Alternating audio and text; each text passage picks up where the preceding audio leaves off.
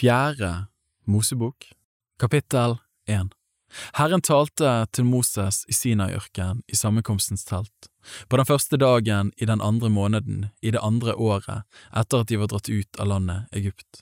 Og han sa, ta opp manntall over hele Israels barns menighet, etter deres ætter og familier, og skriv opp navnene på alle som er av mannskjønn, én for én, fra tjueårsalderen og oppover.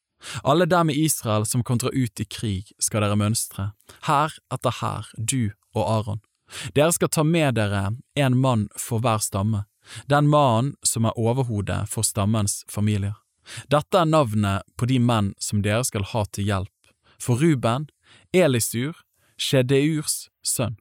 For Simeon, Shelumiel, Surishadais sønn. For Juda, Nason, Aminadabs sønn. For Issakar, Netanael, Suars sønn. For Sebulon, Eliab, Helons sønn. For Josefs sønner, for Eifreim, Elishama, Amihuds sønn. For Manasseh, Gamliel, Pedasurs sønn. For Benjamin, Abidan, Gideonis sønn. For Dan, Akieser, Amisadais sønn. For Asher, Pagiel, Okrans sønn. For Gad, Eliasaf, Deuels sønn. For Naftali, Akira, Enans sønn. Dette var de som menigheten valgte, høvdingene for sine fedrestammer, overhodene for Israels tusener. Da tok Moses og Aron med seg disse menn som var nevnt ved navn, og de samlet hele menigheten på den første dagen i den andre måneden, og de lot seg føre inn i etterlistene med sine navn, etter sine etter og familier, fra tjueårsalderen og oppover, én for én, slik som Herren hadde befalt Moses. Han mønstret dem i Sinais ørken, etterkommerne av Rubens sønner, han som var Israels førstefødte, oppskrevet etter sine etter og familier, med sine navn, én for én, alt mannskjønn fra tjueårsalderen og oppover, alle som kunne dra ut i krig. Så mange som ble mønstret av Rubens stamme, var 46 500. Etterkommerne av Simeons sønner, oppskrevet etter sine ætter og familier, med sine navn, så mange av dem som ble mønstret, én for én, alt mannskjønn fra tjueårsalderen oppover, alle som kunne dra ut i krig, så mange som ble mønstret av Simeons stamme, var 59 300. Etterkommerne av Gads sønner, oppskrevet etter sine etter og familier, med sine navn, fra tjueårsalderen oppover, alle som kunne dra ut i krig, så mange som ble mønstret av Gads stamme, var 45 650. Etterkommerne av Judas sønner, oppskrevet etter sine etter og familier, med sine navn, fra tjueårsalderen oppover, alle som kunne dra ut i krig, så mange som ble mønstret av Judas stamme, var 74 600. Etterkommerne av Isakars sønner, oppskrevet etter sine ætter og familier, med sine navn, fra tjueårsalderen oppover, alle som kunne dra ut i krig, så mange som ble mønstret av Isakars stamme, var 54 400. Etterkommerne av Sebulons sønner, oppskrevet etter sine ætter og familier, med sine navn fra tjueårsalderen oppover, alle som kunne dra ut i krig. Så mange som ble mønstret av Sebulons stamme, var 57 400. Josefs barn, etterkommerne av Eifreims sønner, oppskrevet etter sine etter og familier, med sine navn, fra tjueårsalderen oppover, alle som kunne dra ut i krig. Så mange som ble mønstret av Eifreims stamme, var 40 500. Etterkommerne av Manasses sønner, oppskrevet etter sine ætter og familier, med sine navn fra tjueårsalderen oppover, alle som kunne dra ut i krig, så mange som ble mønstret av Manasses stamme, var 32 200. Etterkommerne av Benjamins sønner, oppskrevet etter sine ætter og familier, med sine navn fra tjueårsalderen oppover, alle som kunne dra ut i krig, så mange som ble mønstret av Benjamins stamme, var 35 400. Etterkommerne av Dans sønner, oppskrevet etter sine etter og familier, med sine navn, fra tjueårsalderen oppover, alle som kunne dra ut i krig, så mange som ble mønstret av Dans stamme, var 62 700. Etterkommerne av Ashers stamme, oppskrevet etter sine etter og familier, med sine navn, fra 20-årsalderen oppover, alle som kunne dra ut i krig, så mange som ble mønstret av Ashers stamme, var 41 500. Etterkommerne av Naftalis sønner, oppskrevet etter sine etter og familier med sine navn, fra 20-årsalderen oppover, alle som kunne dra ut i krig, så mange som ble mønstret av Naftalis stamme, var 53 400.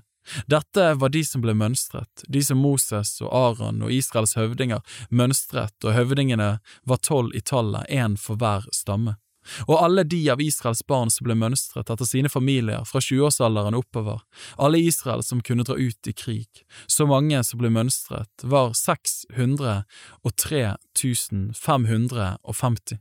Men levittene, etter sin fedrestamme, ble ikke mønstret sammen med dem. For Herren talte til Moses og sa, Bare Levis stamme skal du ikke mønstre, og over dem skal du ikke oppta manntall sammen med de andre Israels barn. Men du skal sette levittene over vitnesbyrdets tabernakel, og over alle dets redskaper og over alt som hører til. De skal bære tabernaklet og alle dets redskaper, og de skal tjene ved tabernaklet og slå leir rundt omkring det. Når tabernaklet skal bryte opp, skal levittene ta det ned, og når tabernaklet skal slå leir, skal levittene reise det opp. Kommer det noen fremmed nær det, skal han dø. Israels barn skal slå opp sine telt, hver i sin leir og hver ved sitt banner, her for her. Men levittene skal slå opp sine telt rundt omkring vitnesbyrdets tabernakel, for at det ikke skal komme vrede over Israels barns menighet. Levittene skal ta seg av det som er å gjøre ved vitnesbyrdets tabernakel, og Israels barn gjorde dette, de gjorde i ett og alt slik som Herren hadde befalt Moses. Kapittel 2 Herren talte til Moses og Aron og sa, Israels barn skal slå leir, hver ved sitt banner, ved sin families særmerke. De skal slå leir midt imot sammenkomstens telt, rundt omkring det. På fremsiden, mot øst, skal Juda slå leir under sitt banner, her for her. Høvdingen for Judas barn er Nason, Aminadabs sønn. Hans hær, så mange av dem som er mønstret, er 74 600. Ved siden av ham skal Isakars stamme slå leir. Høvdingen for Isakars barn er Netanael, Suars sønn. Hans hær, så mange av dem som er mønstret, er 54 400. Likeså Sebulons stamme. Høvdingen for Sebulons barn er Eliab, Helons sønn. Hans hær, så mange av dem som er mønstret, er 57 400. Alle som er mønstret av Judas leir, her for her, er 186 400. De skal være den første fylkingen som bryter opp. Mot sør skal Ruben slå leir under sitt banner, her for her. Høvdingen for Rubens barn er Elisur, Sjedeurs sønn. Hans hær, så mange av dem som er mønstret, er 46 500. Ved siden av ham skal Simons stamme slå leir. Høvdingen for Simons barn er Shelumiel, Shuri Shadais sønn. Hans hær, så mange av dem som er mønstret, er 59 300. Likeså Gads stamme. Høvdingen for Gads barn er El-Yashaf, Reuels sønn. Hans hær, så mange av dem som er mønstret, er 45 650. Alle som er mønstret av Rubens leir, her for her, er 151 450. De skal være den andre fylkingen som bryter opp. Så skal sammenkomstens telt bryte opp, levittenes leir midt mellom dem. De skal bryte opp etter som de har ligget i leir, hver på sin plass under sine banner. Mot vest skal Eifreim slå leir under sitt banner, her for her. Høvdingen for Eifreims barn er Elishama, Amihuds sønn. Hans hær, så mange av dem som har mønstret, er 40 500. Ved siden av ham er Manasses stamme. Høvdingen for Manasses barn er Gamliel, Pedasurs sønn. Hans hær, så mange av dem som har mønstret, er 32 200. Og så kommer Benjamins stamme. Høvdingen for Benjamins barn er Abidan, Gideonis sønn. Hans hær, så mange av dem som har mønstret, er 35 400. Alle som har mønstret av Eifrems leir, hær for hær, er 108 100. De skal være den tredje fylkingen som bryter opp. Mot nord skal Dan slå leir under sitt banner, hær for hær. Høvdingen for Dans barn er Akieser, Amisadais sønn. Hans hær, så mange av dem som er mønstret, er 62 700. Ved siden av ham skal Ashers stamme slå leir. Høvdingen for Ashers barn er Pagiel, Okrans sønn. Hans hær, så mange av dem som er mønstret, er 41 500. Likeså Naftalis stamme. Høvdingen for Naftalis barn er Akira, Enans sønn. Hans hær, så mange av dem som er mønstret, er 53 400. Alle som er mønstret av Dans leir, er 157 600.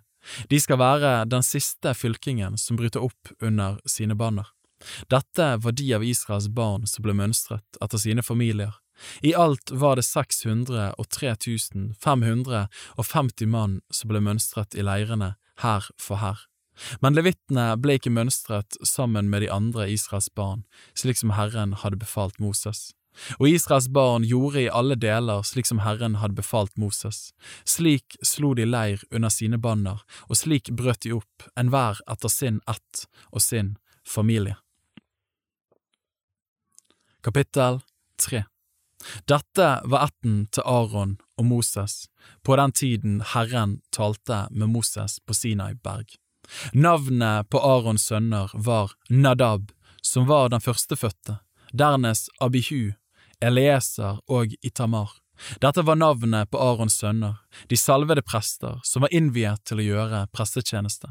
Men Nadab og Abihu døde for Herrens åsyn, den gang de bar fremmed ild inn for Herrens åsyn i Sinaiørken. De hadde ingen sønner. Siden utførte Elieser og Itamar prestetjenesten for Arons sin fars øyne, og Herren talte til Moses og sa, La Levis stamme komme hit, og still dem fram for Aron, presten, så de kan tjene ham.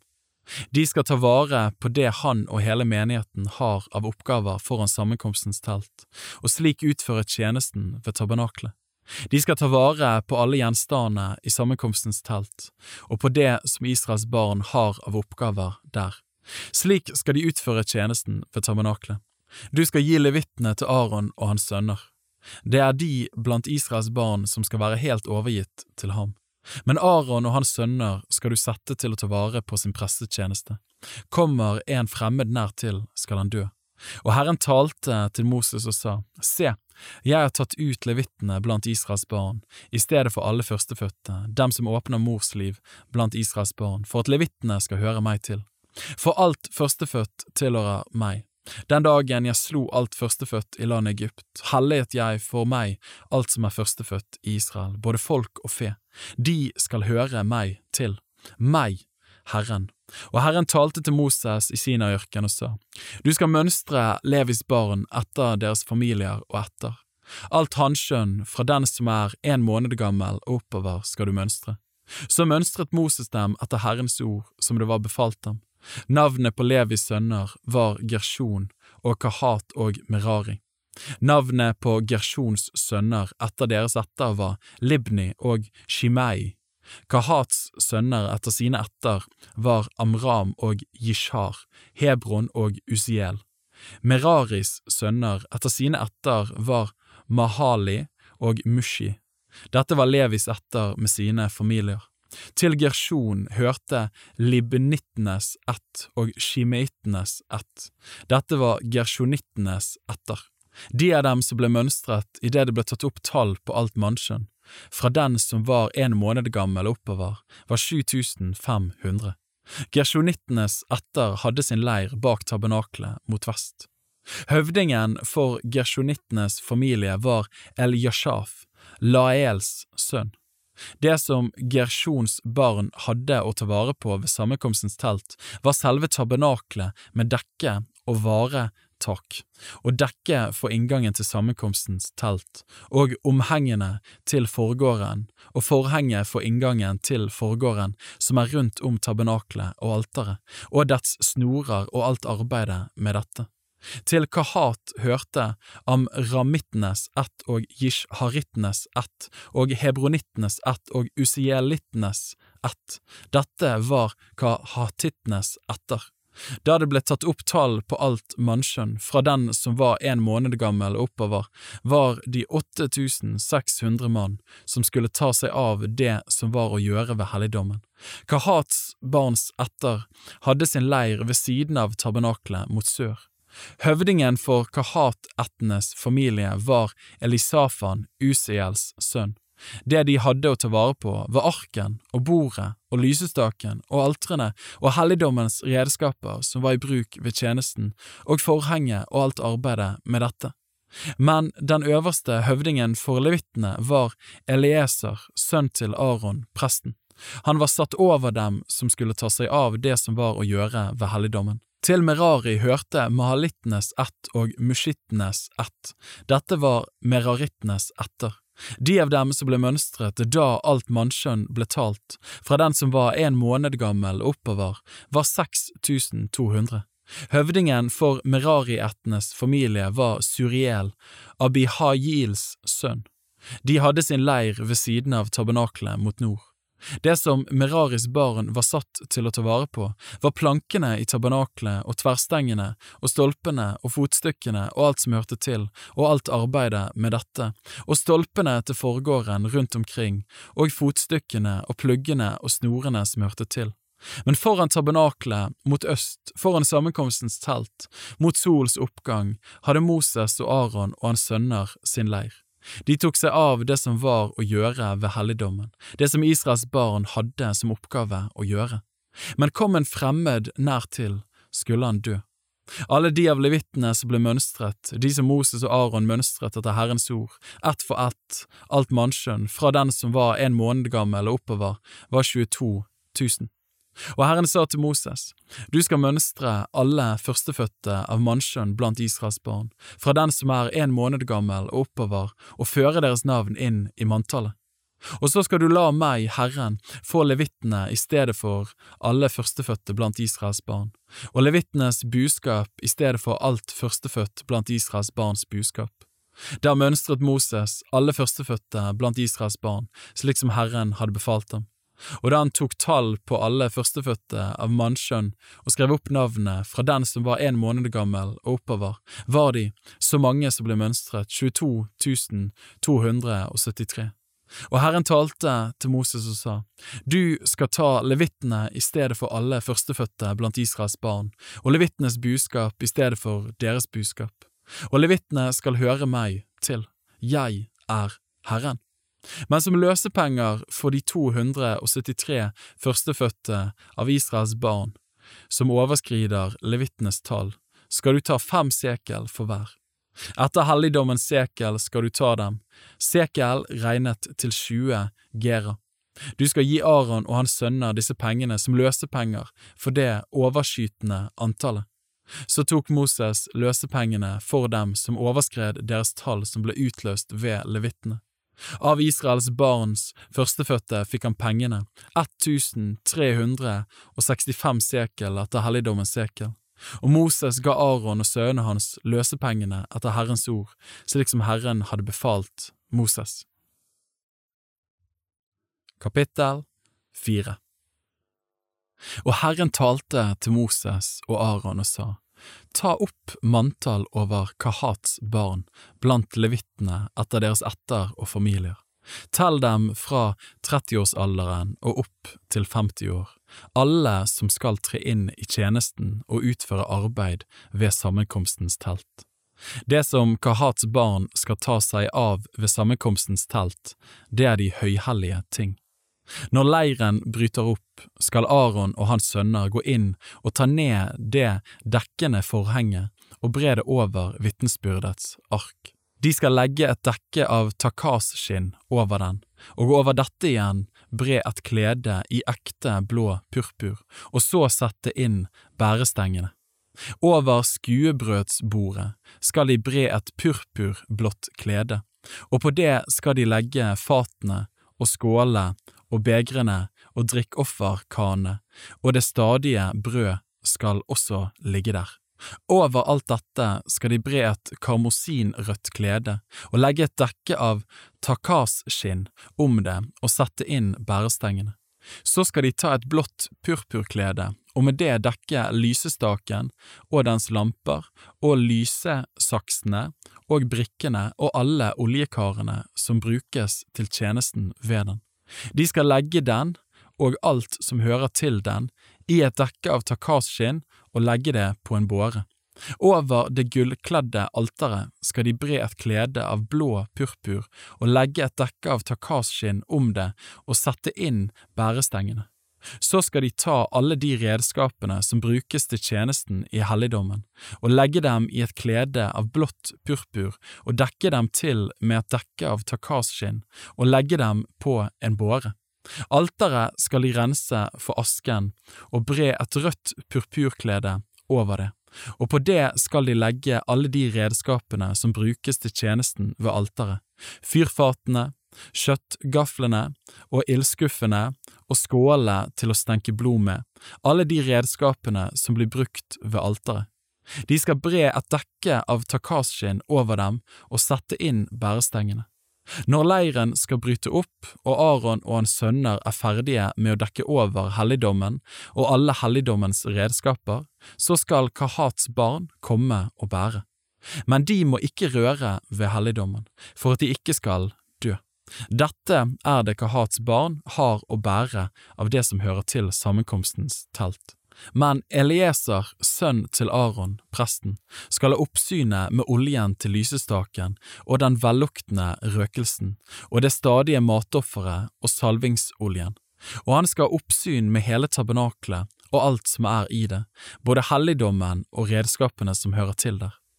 Og Herren talte til Moses og Aron og sa, La ikke kahatittenes ettergren bli utryddet av levittenes stamme, men gjør slik med dem for at de skal leve og ikke dø når de kommer nær de høyhellige ting.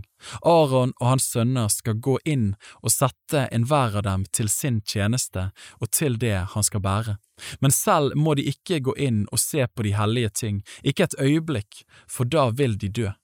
Og Herren talte til Moses og sa, Ta også opp manntall over Gersjons barn etter deres familier og etter. Fra 30-årsalderen og oppover til 50-årsalderen skal du mønstre dem, alle som skal tre inn i tjenesten og utføre arbeid ved sammenkomstens telt.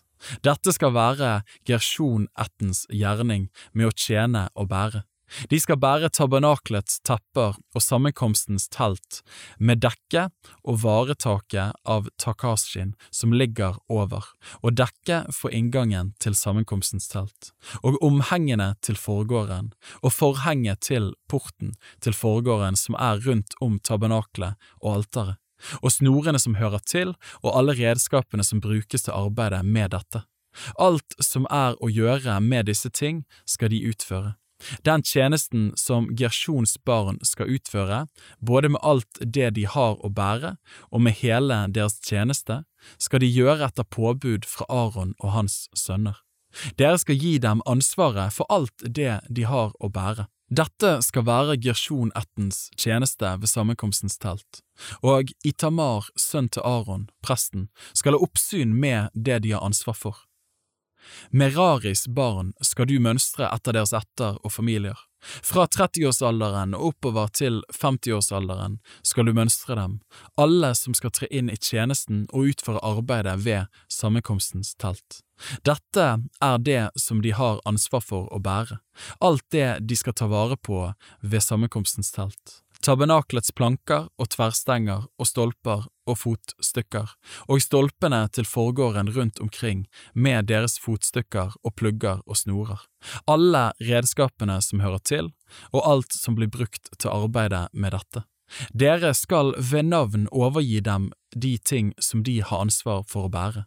Dette skal være Merari-ættens tjeneste, alt det som de skal ta vare på ved sammenkomstens telt under oppsyn av Itamar, sønn til Aron, presten. Så mønstret Moses og Aron og menighetens høvdinger kahatittene etter deres etter og familier, fra 30-årsalderen og oppover til 50-årsalderen, alle som skulle tre inn i tjenesten og utføre arbeid ved sammenkomstens telt. De som ble mønstret av dem, hver etter sin ett, var 2750. Så mange var de som ble mønstret i kahatittenes etter, alle de som tjente ved sammenkomstens telt, og som Moses og Aron mønstret etter Herrens ord ved Moses. De av gersjonittene som ble mønstret etter sine etter og familier, fra 30-årsalderen oppover til 50-årsalderen, alle som skulle tre inn i tjenesten og utføre arbeid ved sammenkomstens telt, de av dem som ble mønstret etter sine etter og familier, var 2630. Så mange var de som ble mønstret i gersjonittenes etter, alle de som tjente ved sammenkomstens telt, og som Moses og Aron mønstret etter Herrens ord.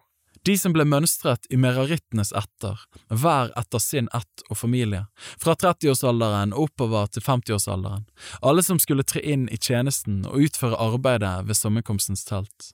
De av dem som ble mønstret etter sine etter, var 3200. Så mange var de som Moses og Aron mønstret i merarittenes etter, etter Herrens ord ved Moses.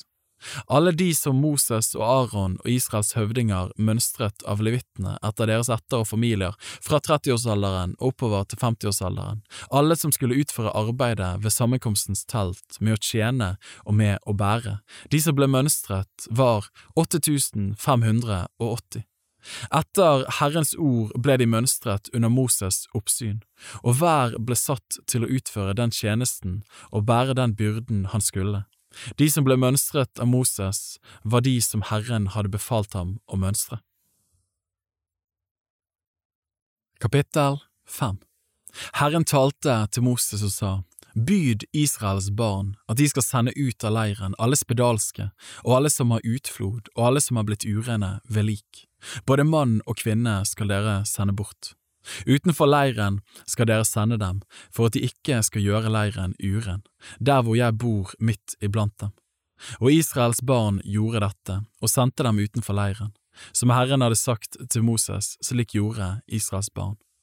Og Herren talte til Moses og sa, Si til Israels barn, når en mann eller kvinne gjør noen av de synder som mennesker gjør og bærer seg troløst at mot Herren, så de fører skyld over seg, da skal de bekjenne den synden de har gjort og godtgjøre det de med urette har tatt med dets fulle verd og ennå legge til femtedel. De skal gi det til den som de har syndet mot.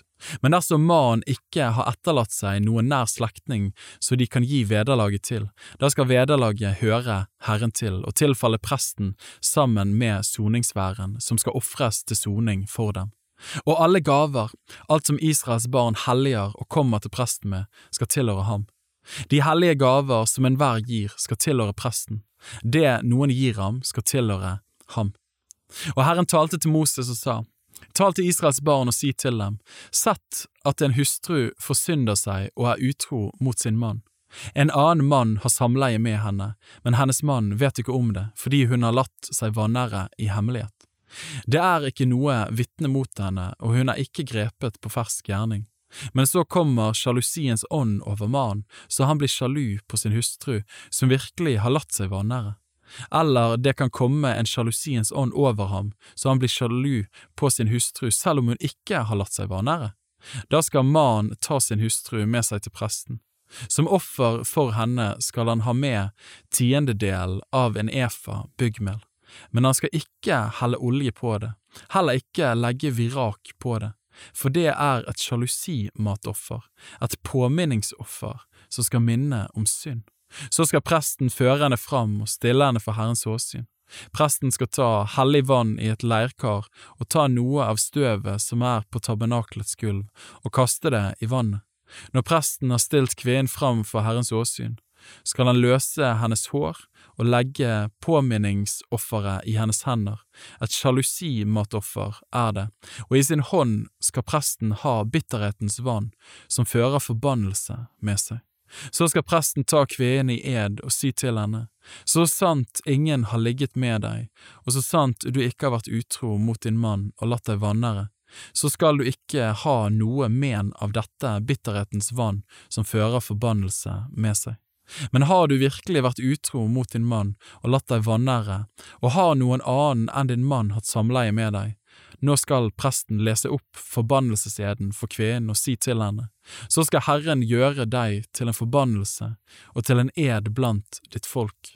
Han skal la dine hofter svinne inn og din buk hovne opp, og dette vannet som fører forbannelse med seg, skal trenge inn i dine innvoller så buken hovner opp og dine hofter svinner inn. Og kvinnen skal si, Amen, Amen. Deretter skal presten skrive opp disse forbannelsene på et blad og vaske dem ut i bitterhetens vann. Så skal han la kvinnen drikke bitterhetens vann, som fører forbannelse med seg. Og vannet som fører forbannelse med seg, skal trenge inn i henne og volde bitter smerte. Så skal presten ta sjalusimattofferet av kvinnens hånd og svinge det for Herrens åsyn og bære det fram til alteret og presten skal ta en håndfull av matofferet som påminningsoffer og brenne det på alteret, og så skal han la kvinnen drikke vann. Og når han har latt henne drikke vannet, da skal det skje at dersom hun har latt seg vannere og har vært utro mot sin mann, så skal vannet som fører forbannelse med seg, trenge inn i henne og volde bitter smerte. Hennes buk skal hovne opp og hoftene svinne inn, og den kvinnen skal bli til en forbannelse blant sitt folk. Men har kvinnen ikke latt seg vannere, om hun er ren, da skal hun ikke ha noe men av det, og hun skal få barn. Det er loven om sjalusi. Når en kvinne er utro mot sin mann og lar seg vannere, eller når en sjalusiens ånd kommer over en mann så han blir sjalu på sin hustru, da skal han stille kvinnen fram for Herrens åsyn, og presten skal gjøre med henne alt det som er sagt i denne loven. Mannen skal være fri for skyld, men kvinnen skal lide for sin misgjerning. Kapittel 6 Herren talte til Moses og sa, Tal til Israels barn og si til dem, når en mann eller kvinne gjør et hellig løfte om å ville være nasareer og vie seg til Herren, så skal han holde seg fra vin og sterk drikk. Eddik av vin eller annen sterk eddik skal han ikke drikke, og heller ikke noen saft som er tillaget av druer. Hverken friske eller tørre druer skal han ete. Så lenge hans innvielse varer, skal han ikke ete noe av det som blir tillaget av vintreet, like fra kjern til skall. Så lenge hans innvielsesløfte gjelder, skal det ikke gå rakekniv over hans hode, inntil hans innvielsestid er til ende. Skal han være hellig, han skal la sitt hodehår vokse fritt. Så lenge han er innviet til Herren, skal han ikke komme nær noe lik. Ikke engang om hans far eller mor eller bror eller søster dør, må han føre urenhet over seg for deres skyld. For han bærer på sitt hode tegnet på innvielsen til sin Gud. Hele sin innvielsestid er han hellig for Herren. Men dør det noen hos ham uventet og brått og fører urenhet over hans innviede hode, da skal han rake hodet den dagen han blir ren. Den sjuende dagen skal han rake det. Den åttende dagen skal han komme til presten med to turtelduer eller to dueunger til inngangen til sammenkomstens telt. Og presten skal ofre den ene til syndoffer og den andre til brennoffer, og gjøre soning for ham og rense ham for den synd han har ført over seg ved å komme nær liket. Så skal han samme dagen hellige sitt hode, og han skal på nytt vie seg til Herren for like lang tid som han først hadde lovt. Han skal føre fram et årsgammelt lam til skyldoffer. Den første tiden gjelder ikke mer, fordi hans innvielse ble utkjempet. Dette er loven for nasareeren.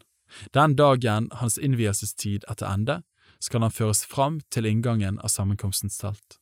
Og han skal bære fram for Herren sitt offer, et årsgammelt værlam uten lyte, til brennoffer og et årsgammelt sauelam uten lyte til syndoffer, og en vær uten lyte til fredsoffer, og en kurv med usyrede kaker av fint mel, kaker med olje i, og usyrede brødleiver smurt med olje, og matofferet og drikkeofrene som hører til.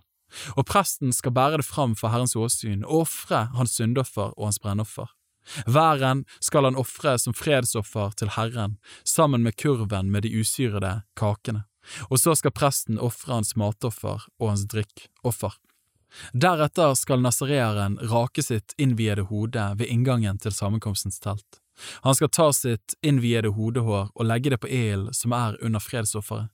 Presten skal ta den ene bogen av væren etter at den er kokt, og en usyret kake av kurven og en usyret brødleiv, og legge dem i hendene på nasareeren, etter at han har raket av sitt innvielsestegn.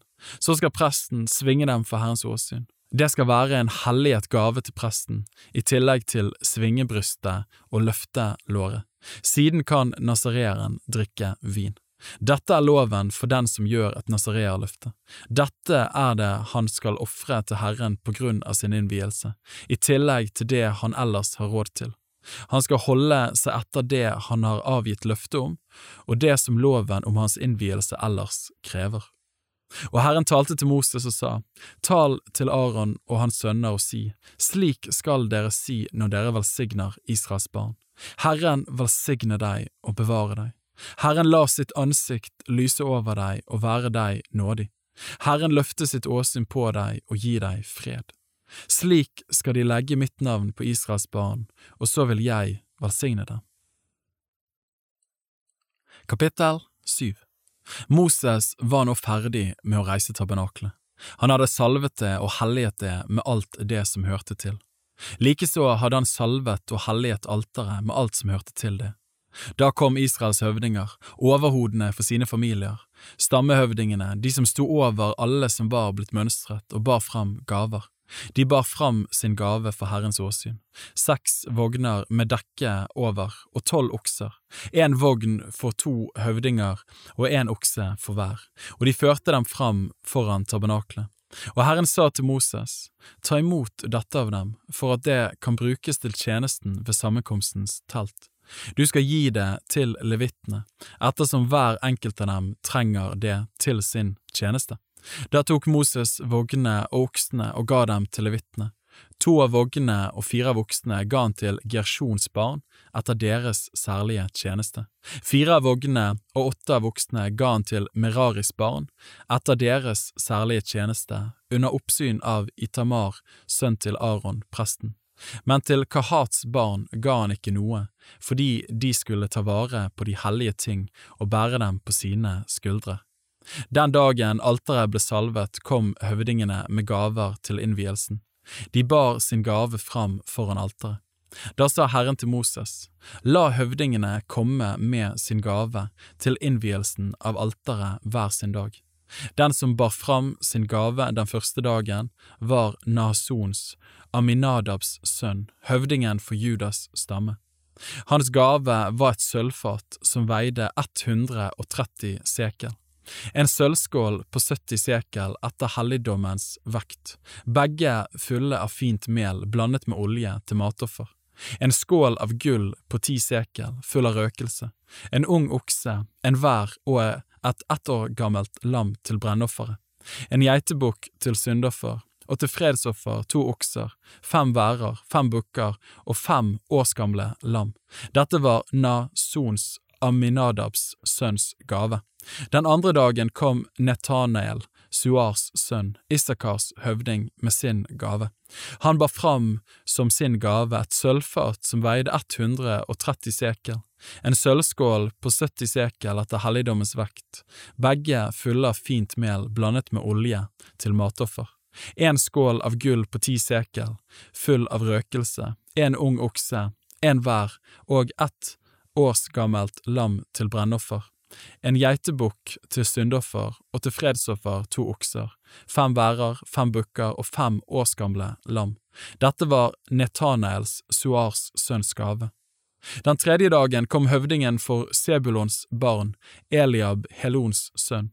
Hans gave var et sølvfat som veide 130 sekel, en sølvskål på 70 sekel etter helligdommens vekt, begge fulle av fint mel, blandet med olje til matoffer, en skål av gull på ti sekel, full av røkelse, en ung okse, enhver og ett årsgammelt lam til brennoffer, en geitebukk til syndoffer, og til fredsoffer to okser, fem værer, fem bukker og fem årsgamle lam. Dette var Eliabs, Helons sønns gave. Den fjerde dagen kom høvdingen for Rubens barn, Elisur, Shedeurs sønn. Hans gave var et sølvfat som veide 130 sekel, en sølvskål på 70 sekel etter helligdommens vekt, begge fulle av fint mel blandet med olje til matoffer, en skål av gull på ti sekel full av røkelse, en ung okse, en vær og ett årsgammelt lam til brennoffer, en geitebukk til syndoffer, og til fredsoffer to okser, fem værer, fem bukker og fem årsgamle lam. Dette var Elisurs, Skjedeurs sønns gave. Den femte dagen kom høvdingen for Simeons barn, Shelumiel, Suri Shadais sønn. Hans gave var et sølvfat som veide 130 sekel, en sølvskål på 70 sekel etter helligdommens vekt, begge fulle av fint mel blandet med olje til matoffer, en skål av gull på ti sekel full av røkelse, en ung okse, en hver og ett årsgammelt lam til brennoffer, en geitebukk til syndoffer, og til fredsoffer to okser, fem værer, fem bukker og fem årsgamle lam. Dette var Shelumiels, Suri Shadais sønns gave.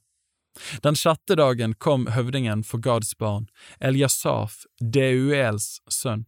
Hans gave var et sølvfat som veide 130 sekel, en sølvskål på 70 sekel etter helligdommens vekt. Begge fulle av fint mel blandet med olje til matoffer, en skål av gull på ti sekel full av røkelse, en ung okse, en hver og ett årsgammelt lam til brennoffer, en geitebukk til syndoffer og til fredsoffer to okser, fem værer, fem bukker og fem årsgamle lam. Dette var Eliashafs, Deuels sønns gave. Den tjuende dagen kom høvdingen for Eifraims barn, Elishama, Amihuds sønn. Hans gave var et sølvfat som veide 130 sekel, en sølvskål på 70 sekel etter helligdommens vekt, begge fulle av fint mel blandet med olje til matoffer, en skål av gull på ti sekel, full av røkelse, en ung okse, en vær og ett årsgammelt lam til brennoffer, en geitebukk til syndoffer og til fredsoffer to okser, fem værer, fem bukker og fem årsgamle lam. Dette var Elishamas, Amihuds, sønns gave. Den åttende dagen kom høvdingen for Manasses barn, Gamliel, Pedasurs sønn. Hans gave var et sølvfat som veide 130 sekel, en sølvskål på 70 sekel etter helligdommens vekt, begge fulle av fint mel blandet med olje til matoffer, en skål av gull på ti sekel full av røkelse, en ung okse, en hver og ett årsgammelt lam til brennoffer, en geitebukk til syndoffer, og til fredsoffer to okser, fem værer, fem bukker og fem årsgamle lam. Dette var Gamliels, Pedasurs sønns gave. Den niende dagen kom høvdingen for Benjamins barn, Abidan, Gideonis sønn. Hans gave var et sølvfat som veide 130 sekel, en sølvskål på 70 sekel etter helligdommens vekt, begge fulle av fint mel blandet med olje til matoffer, en skål av gull på ti sekel full av røkelse, en ung okse, en hver og ett årsgammelt lam til brennoffer, en geitebukk til syndoffer og til fredsoffer to okser, fem værer, fem bukker og fem årsgamle lam. Dette var Abidans, Gideonis sønns gave. Den tiende dagen kom høvdingen for Dans barn, Akieser, Amisadais sønn.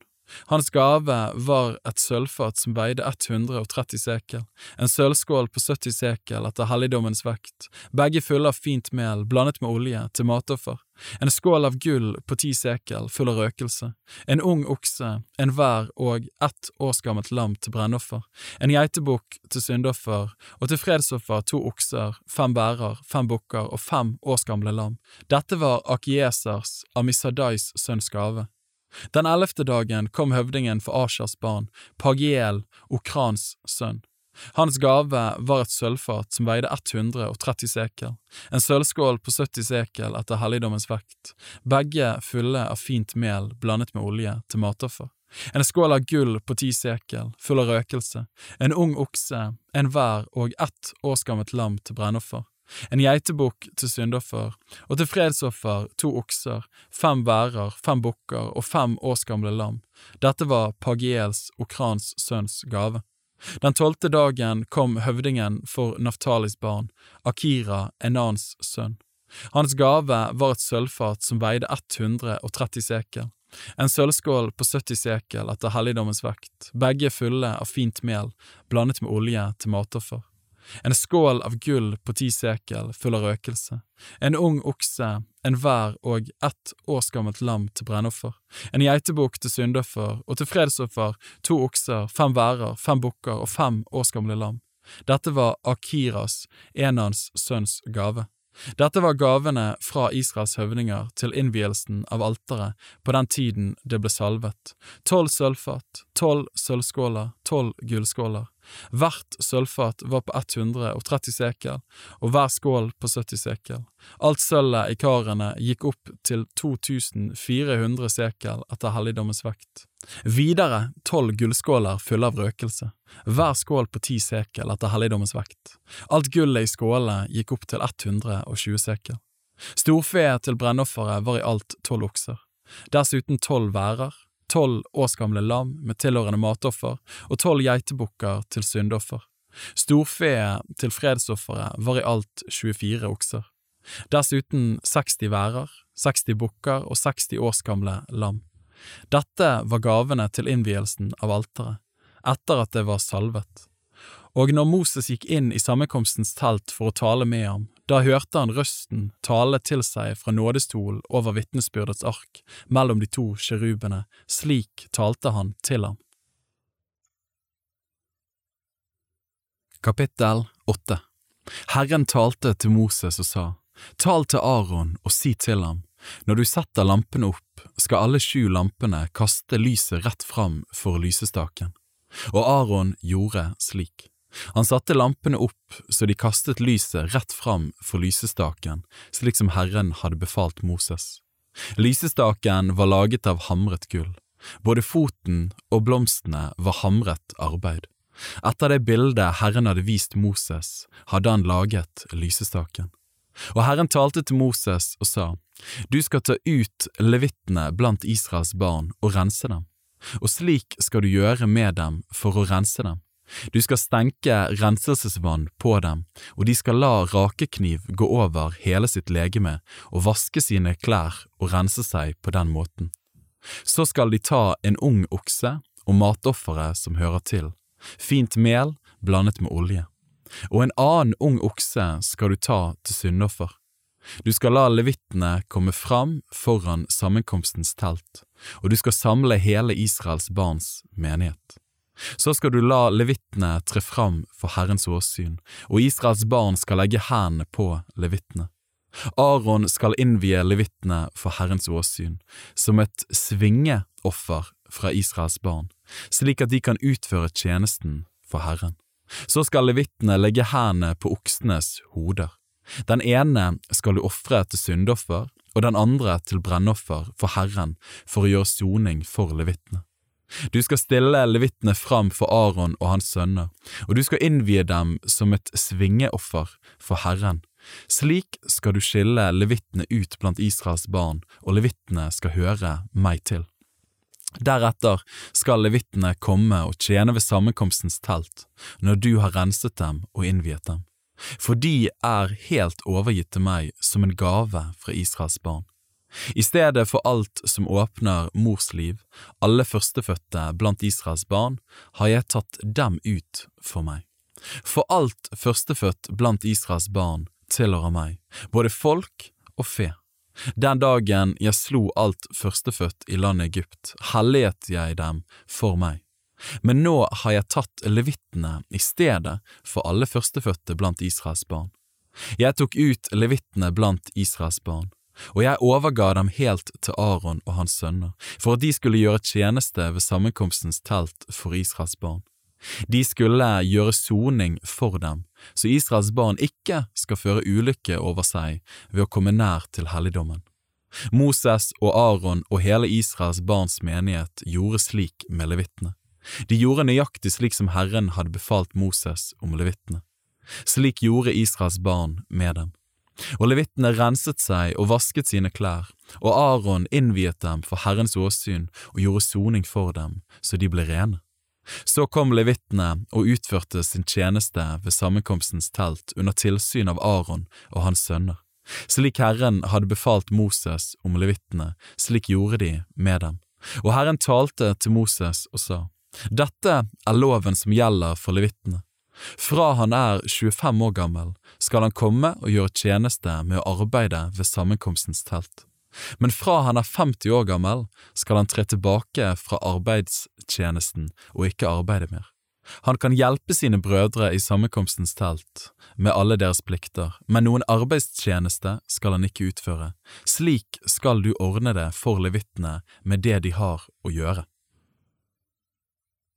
Kapittel 9 Og Herren talte til Moses i Sinaiørkenen i det andre året etter at de var gått ut av landet Egypt, i den første måneden, og han sa, Israels barn skal holde påske på den fastsatte tid. Den fjortende dagen i denne måneden, mellom de to aftenstøene, skal dere holde påske på den fastsatte tid. Dere skal holde den etter alle lover og forskrifter som gjelder om den. Da talte Moses til Israels barn og sa at de skulle holde påske. Og de holdt påske i den første måneden, på den fjortende dagen i måneden, mellom de to aftenstuene i Sinaiørkenen. Nøyaktig som Herren hadde befalt Moses, slik gjorde Israels barn. Men det var noen menn som var blitt urene ved et lik, så de ikke kunne holde påske den dagen.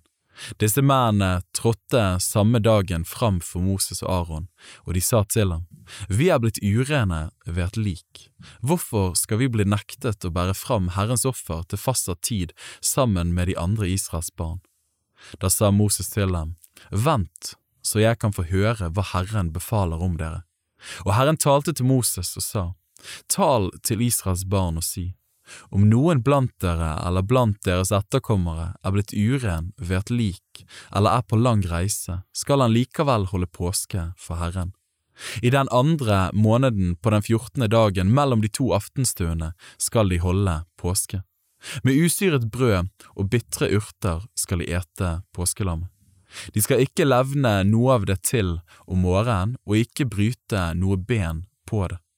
De skal i ett og alt holde påske etter loven som gjelder for den. Men den som er ren og ikke er på reise og ennå lar være å holde påske, han skal utryddes av sitt folk, fordi han ikke bar fram Herrens offer til fastsatt tid. Den mannen skal lide for sin synd. Og når en fremmed oppholder seg hos dere og vil holde påske for Herren, så skal han holde den etter loven om påsken og etter forskriftene om den.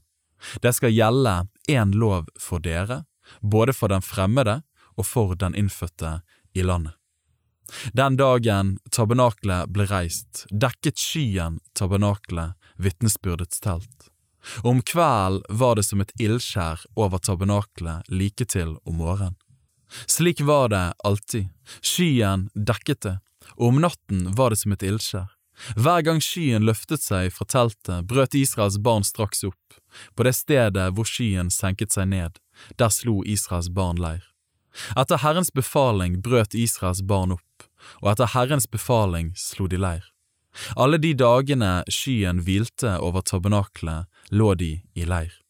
Når skyen ble over tabernaklet i mange dager, rettet Israels barn seg etter det som Herren hadde sagt og brøt ikke opp. Stundom hendte det at skyen bare var noen få dager over tabernaklet. Etter Herrens befaling lå de da i leir, og etter Herrens befaling brøt de opp. Men stundom hendte det at skyen var der bare fra kveld til morgen. Når skyen løftet seg om morgenen, brøt de opp. Eller den var der en dag og en natt. Når skyen løftet seg, brøt de opp. Eller den var der et par dager eller en måned eller enda lenger. Når skyen drøyde så lenge og ble liggende over tabernaklet, lå Israels barn i leir og brøt ikke opp. Men når skyen løftet seg, brøt de opp. Etter Herrens befaling leiret de seg, og etter Herrens befaling brøt de opp. De rettet seg etter det som Herren hadde sagt, etter det som Herren hadde befalt ved Moses. Kapittel 10 Herren talte til Moses og sa, Lag deg to trompeter av sølv. I hamret arbeid skal du lage dem. Du skal bruke dem når menigheten skal kalles sammen, og når leirene skal bryte opp. Når de blåser i dem begge, skal hele menigheten samle seg hos deg ved inngangen til sammenkomstens telt. Blåser de bare i den ene, skal høvdingene, overhodene for Israels tusener, samle seg hos deg. Men når dere blåser alarm, skal de leirene som ligger mot øst, bryte opp. Og når dere blåser alarm andre gangen, skal de leirene som ligger mot sør, bryte opp. Det skal blåses alarm når de skal bryte opp. Men når menigheten skal kalles sammen, skal dere blåse i trompetene, men ikke blåse alarm. Arons sønner, prestene, er det som skal blåse i trompetene. Dette skal være en evig lov for dere, fra slekt til slekt. Når dere drar i krig i deres land mot fiender som overfaller dere, skal dere blåse alarm med trompetene. Og Herren deres Gud skal komme dere i hu, så dere skal bli frelst fra deres fiender.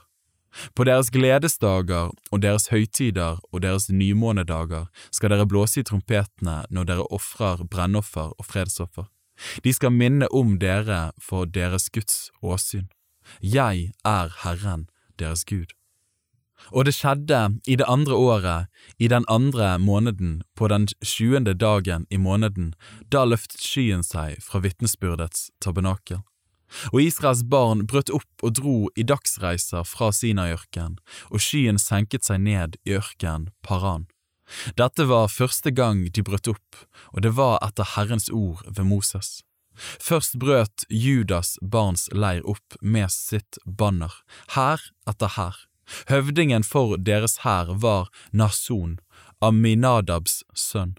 Høvdingen for Isakars stammes hær var Natanael, Suars sønn. Høvdingen for Sebulons stammes hær var Eliab, Helons sønn. Så ble tabernaklet tatt ned, og Gersjons barn og Meraris barn, de som bar tabernaklet, brøt opp. Så brøt Rubens leir opp med sitt banner, hær for hær. Høvdingen for deres hær var Elisur, Shedeurs sønn. Høvdingen for Simeons stammes hær var Shelumiel, Surishadais sønn. Høvdingen for Gads stammes hær var Eliashaf, Deuels sønn. Så brøt kahatittene opp, de som bar de høyhellige ting, og før de kom fram, hadde de andre reist tabernaklet. Så brøt Eifreims leir opp med sitt banner, hær etter hær. Høvdingen for deres hær var Elishama, Amihuds sønn. Høvdingen for Manasses stammes hær var Gamliel, Pedasurs sønn. Høvdingen for Benjamins stammes hær var Abidan, Gideonis sønn. Så brøt Dans leir opp med sitt banner, hær etter hær. De var hele togets baktropp. Høvdingen for deres hær var Akieser, Amisadais sønn. Høvdingen for Ashers stammes hær var Pagiel, Okrans sønn. Høvdingen for Naftalis stammes hær var Akira, Enans sønn. Slik var Israels barn fylket når de brøt opp, hær for hær, så brøt de opp. Og Moses sa til midjanitten Hobab, Reuels sønn, Moses' svoger, vi bryter nå opp for å dra til det stedet som Herren har talt om og sagt, jeg vil gi dere det. Kom med oss, så vil vi gjøre vel mot deg, for Herren har lovt Israel alt det som godt er. Men han svarte, jeg vil ikke gå med deg, jeg vil dra hjem til landet mitt og slekten min. Da sa Moses, å nei, forlat oss ikke du vet jo best hvor vi kan leire oss i ørken. Du skal være vårt øye. Går du med oss, da vil vi la deg få godt av det gode som Herren gjør mot oss. Så dro de da fra Herrens berg tre dagsreiser fram. Herrens paktsark dro foran dem de tre dagsreisene for å finne et hvilested for dem. Herrens sky var over dem om dagen når de brøt opp fra leiren, og når arken brøt opp, sa Moses, Reis deg, Herre, så dine fiender spres, og de som hater deg, flyr for ditt åsyn. Og når arken hvilte, sa han, Kom tilbake, Herre, til Israels ti tusen tusener. Kapittel 11 Men folket knurret og klaget for Herren over at de hadde det vondt. Da Herren hørte det, ble hans vrede opptent, og ild fra Herren slo ned mellom dem og fortærte noen i utkanten av leiren. Da ropte folket til Moses, og Moses ba til Herren, og ilden ble slukket. Han kalte dette stedet Tabera, fordi Herrens ild hadde slått ned mellom dem. Hopen av fremmede blant dem ble grepet av grådig begjær, og Israels barn begynte igjen å jamre seg og sa, Hvem skal gi oss kjøtt å ete? Vi minnes fisken som vi åt i Egypt, og som vi fikk for ingenting, og gresskarene og melonene og purren og rødløken og hvitløken, men nå er vår sjel uttørret, for her er ingenting. Vi ser ikke annet for våre øyne enn mannaen. Mannaen lignet korianderfrø, og av utseende var den som bedeluim. Folket løp omkring og sanket og malte den på håndkvern eller støtte den i morter og kokte den i gryter eller bakte kaker av den. Den smakte som oljekake. Når duggen falt ned over leiren om natten, falt manna ned sammen med den. Moses hørte folket gråte rundt om i alle familier, hver i døren til sitt telt, og Herren ble mektig harm. Moses ble ille til mote over dette. Da sa Moses til Herren, Hvorfor har du gjort så ille mot din tjener? Hvorfor har jeg ikke funnet nåde for dine øyne, siden du har lagt byrden av hele dette folket på meg? Har jeg unnfanget hele dette folket? Har jeg født det, siden du sier at jeg skal bære det i min favn, som ammen bærer et tiende barn, til det landet du med ed har lovt deres fedre? Hvor skal jeg ta kjøtt fra til hele dette folket? For de kommer gråtende til meg og sier, Gi oss kjøtt å ete. Jeg makter ikke å bære hele dette folket alene, det er for tungt for meg. Er det slik du vil gjøre mot meg, så drep meg heller med en gang, hvis jeg har funnet nåde for dine øyne, og la meg slippe å se min ulykke. Da sa Herren til Moses, Kall sammen for meg 70 menn av Israels eldste, de som du vet er folkets eldste og dets tilsynsmenn, og du skal ta dem med deg til sammenkomstens telt, og la dem stille seg opp der sammen med deg. Så vil jeg komme ned og tale med deg der, jeg vil ta av den ånd som er over deg, og legge på dem, så de kan bære byrden av folket sammen med deg, og du ikke skal bære den alene. Og til folket skal du si, hellige dere til i morgen, så skal dere få kjøtt å ete, siden dere har grått for Herren og sagt, Å, om vi hadde kjøtt å ete, for i Egypt hadde vi det godt. Nå vil Herren gi dere kjøtt så dere kan ete.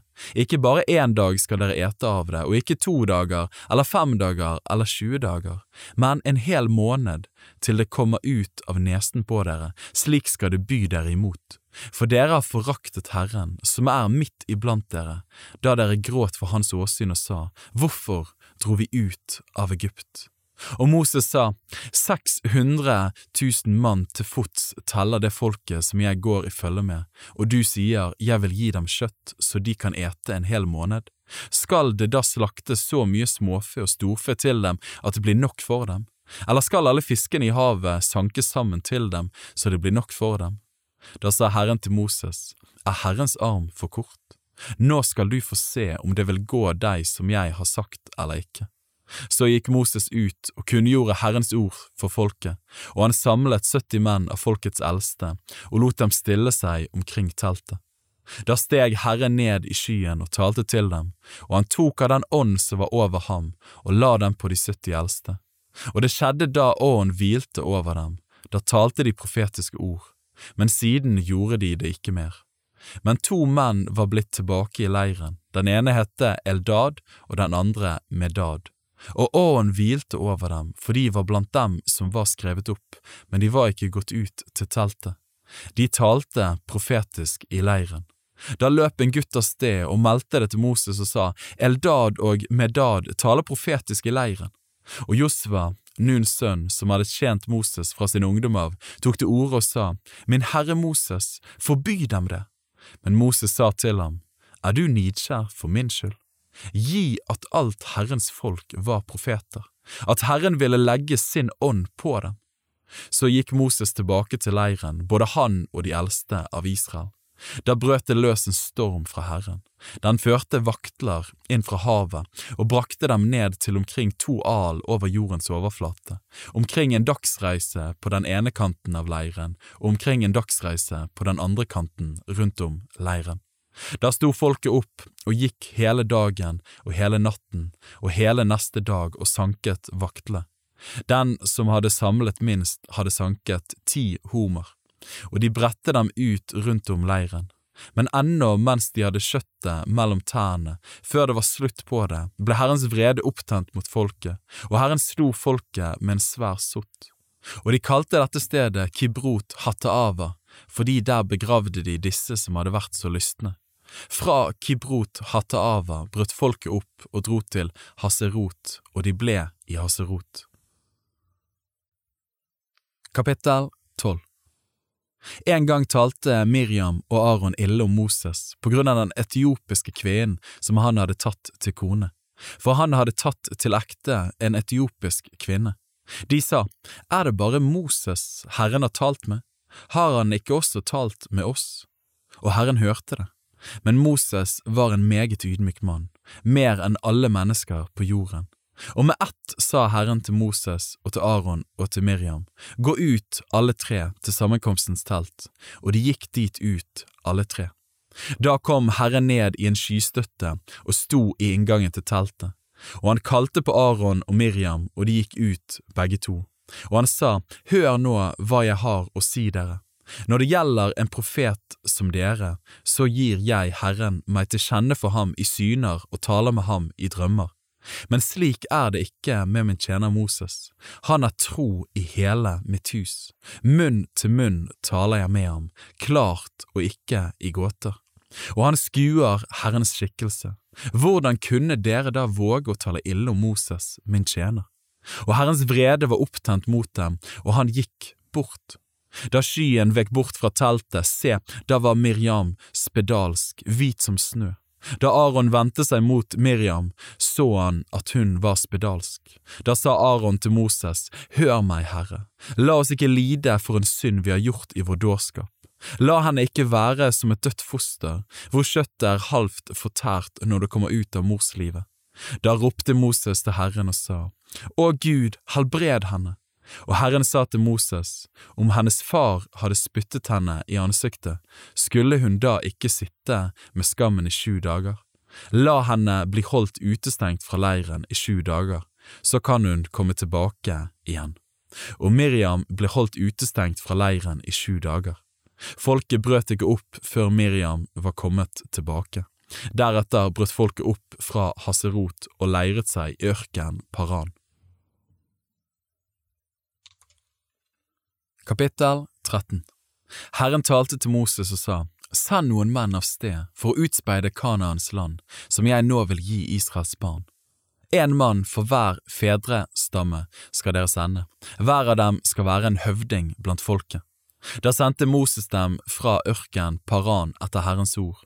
Alle var de overhoder for Israels barn, og dette var deres navn. For Rubens stamme, Shamua, Sakurs sønn. For Simeons stamme, Safat, Horis sønn. For Judas stamme, Kaleb, Jefunels sønn. For Isakars stamme, Jigeal, Josefs sønn. For Eifreims stamme, Hosea, Nuns sønn. For Benjamins stamme, Palti, Rafus sønn. For Sebulons stamme, Gadiel, Sodis sønn.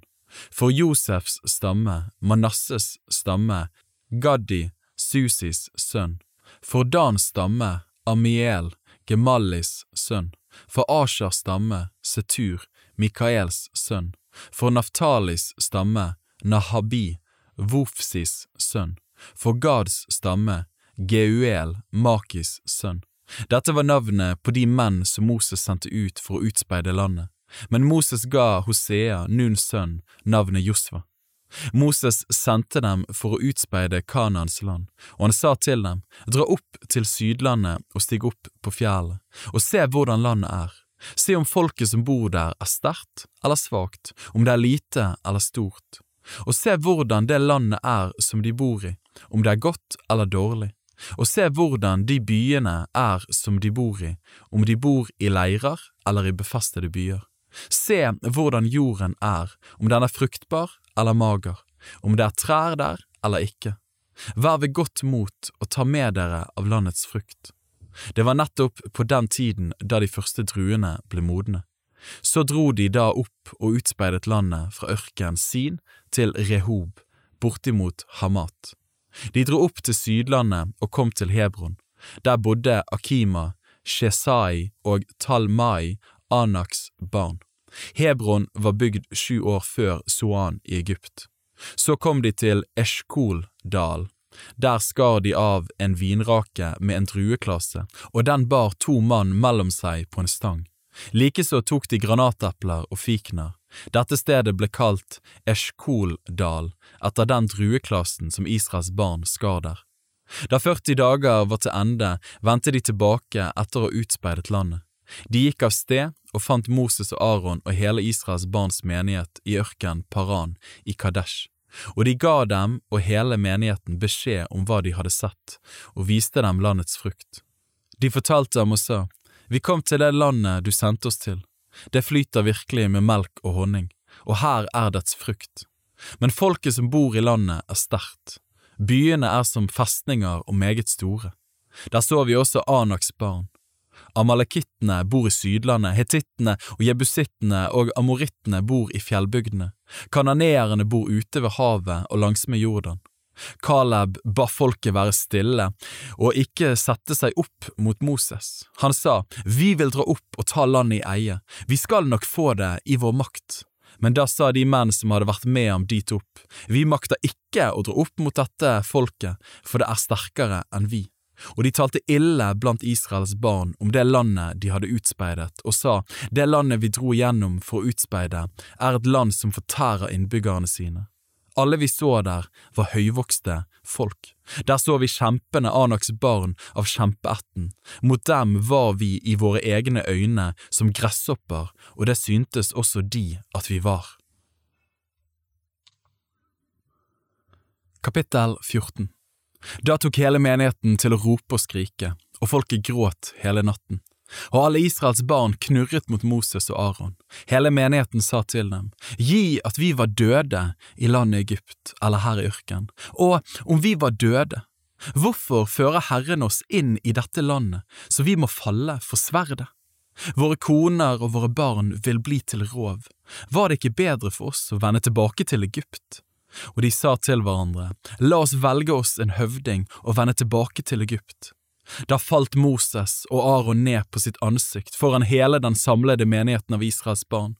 Og Josva, Nuns sønn, og Caleb, Jefunnes sønn, som var blant dem som hadde utspeidet landet, flerret klærne sine. Og de talte til hele Israels barns menighet og sa, Det landet som vi dro igjennom for å utspeide, er et overmåte godt land. Dersom Herren har velbehag i oss, så fører Han oss inn i dette landet og gir det til oss, et land som flyter med melk og honning. Sett dere bare ikke opp mot Herren, og vær ikke redd for folket i dette landet, for vi skal fortære dem som brød. Deres vern er veket fra dem, og Herren er med oss, vær ikke redd for dem. Da ville hele menigheten steine dem, men Herrens herlighet åpenbarte seg i sammenkomstens telt for alle Israels barn. Og Herren sa til Moses, Hvor lenge skal dette folket forakte meg? Og hvor lenge vil de la være å tro på meg, ennå jeg har gjort så mange tegn blant dem? Jeg vil slå dem med pest og utrydde dem, og så vil jeg gjøre deg til et større og sterkere folk enn dette. Da sa Moses til Herren, Egypterne har hørt at du med din kraft har ført dette folket ut fra dem, og de har sagt det til dette landets innbyggere. De har hørt at du, Herre, er midt iblant dette folket, at du, Herre, har åpenbart deg for dem øye til øye, og at din sky står over dem, at du går foran dem i en skystøtte om dagen og i en ildstøtte om natten. Men dreper du nå dette folket til sistemann, da kommer hedningene som har hørt ditt ry, til å si, Herren maktet ikke å føre dette folket inn i det landet han hadde lovt dem med ed, derfor har han slått dem ned i ørken. Men la nå din kraft, Herre, vise seg stor slik du har talt og sagt. Herren er langmodig og rik på miskunnhet. Han forlater misgjerning og overtredelse, men han lar ikke den skyldige være ustraffet. Han hjemsøker fedrenes misgjerning på barn, på dem i tredje og på dem i fjerde ledd. Tilgi da dette folket dets misgjerning, etter din store miskunn, som du har tilgitt dem hele veien fra Egypt og hit. Da sa Herren, Jeg har tilgitt dem etter ditt ord. Men så sant jeg lever og hele jorden er full av Herrens herlighet, så skal alle de menn som har sett min herlighet og de tegn som jeg gjorde i Egypt og i ørken, og som nå har fristet meg ti ganger, og ikke hørt på min røst. Sannelig, de skal ikke se det landet jeg har lovt deres fedre med ed. Ingen som har foraktet meg, skal få se det. Men min tjener Caleb, fordi det var en annen ånd i ham, og han trofast fulgte meg, så vil jeg føre ham inn i det landet han har vært i, og hans ett skal eie det. Men amalekittene og kananeerne bor her i dal. Vend derfor om i morgen og dra ut i ørkenen på veien til Rødehavet. Og Herren talte til Moses og Aron og sa, Hvor lenge skal denne onde menighet holde på å knurre mot meg? Jeg har hørt Israels barns knurr, hvordan de knurrer mot meg. Si til dem, så sant jeg lever, sier Herren, som dere har talt for mine ører, slik vil jeg gjøre med dere. I denne ørkenen skal deres døde kropper falle, alle de blant dere som ble mønstret, så mange som dere er, fra tjueårsalderen og oppover, dere som har knurret mot meg. Sannelig, dere skal ikke komme inn i det landet som jeg med oppløftet hånd har sverget og ville la dere bo i. Ingen uten Caleb, Jefunnes sønn og Josva, Nuns sønn, skal komme dit inn. Og barna som dere sa ville bli til rov, dem vil jeg føre dit inn. De skal lære det landet å kjenne som dere har avskydd, men deres døde kropper skal falle i ørkenen. Og deres barn skal flakke om som gjetere i ørkenen i 40 år, og bøte for den utroskap som dere har vist mot Herren inntil dere alle er blitt til lik i ørkenen. Som dere utspeidet landet i 40 dager, slik skal dere lide for deres misgjerninger i 40 år, ett år for hver dag og dere skal kjenne at jeg har vendt meg bort fra dere. Jeg, Herren, har sagt, sannelig, slik vil jeg gjøre med hele denne onde menighet, som har sammensverget seg mot meg. Her i ørkenen skal de gå til grunne, her skal de dø. De menn som Moses hadde sendt for å utspeide landet, var kommet tilbake og hadde fått hele menigheten til å knurre mot ham ved å tale ille om landet. Nå ble disse mennene, som hadde talt ille om landet, slått ned for Herrens åsyn og døde. Bare Josva, Nuns sønn, og Caleb, Jefunnes sønn, ble i live av de menn som var gått av sted for å utspeide landet. Og Moses bar disse ordene fram for alle Israels barn.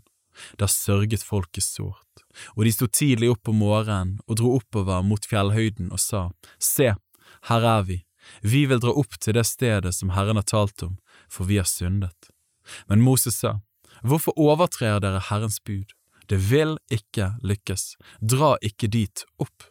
For Herren er ikke blant dere, og dere kommer bare til å bli slått av deres fiender. For amalekittene og kanoneerne vil møte dere der, og dere skal falle for sverdet, fordi dere har vendt dere bort fra Herren, og Herren vil ikke være med dere.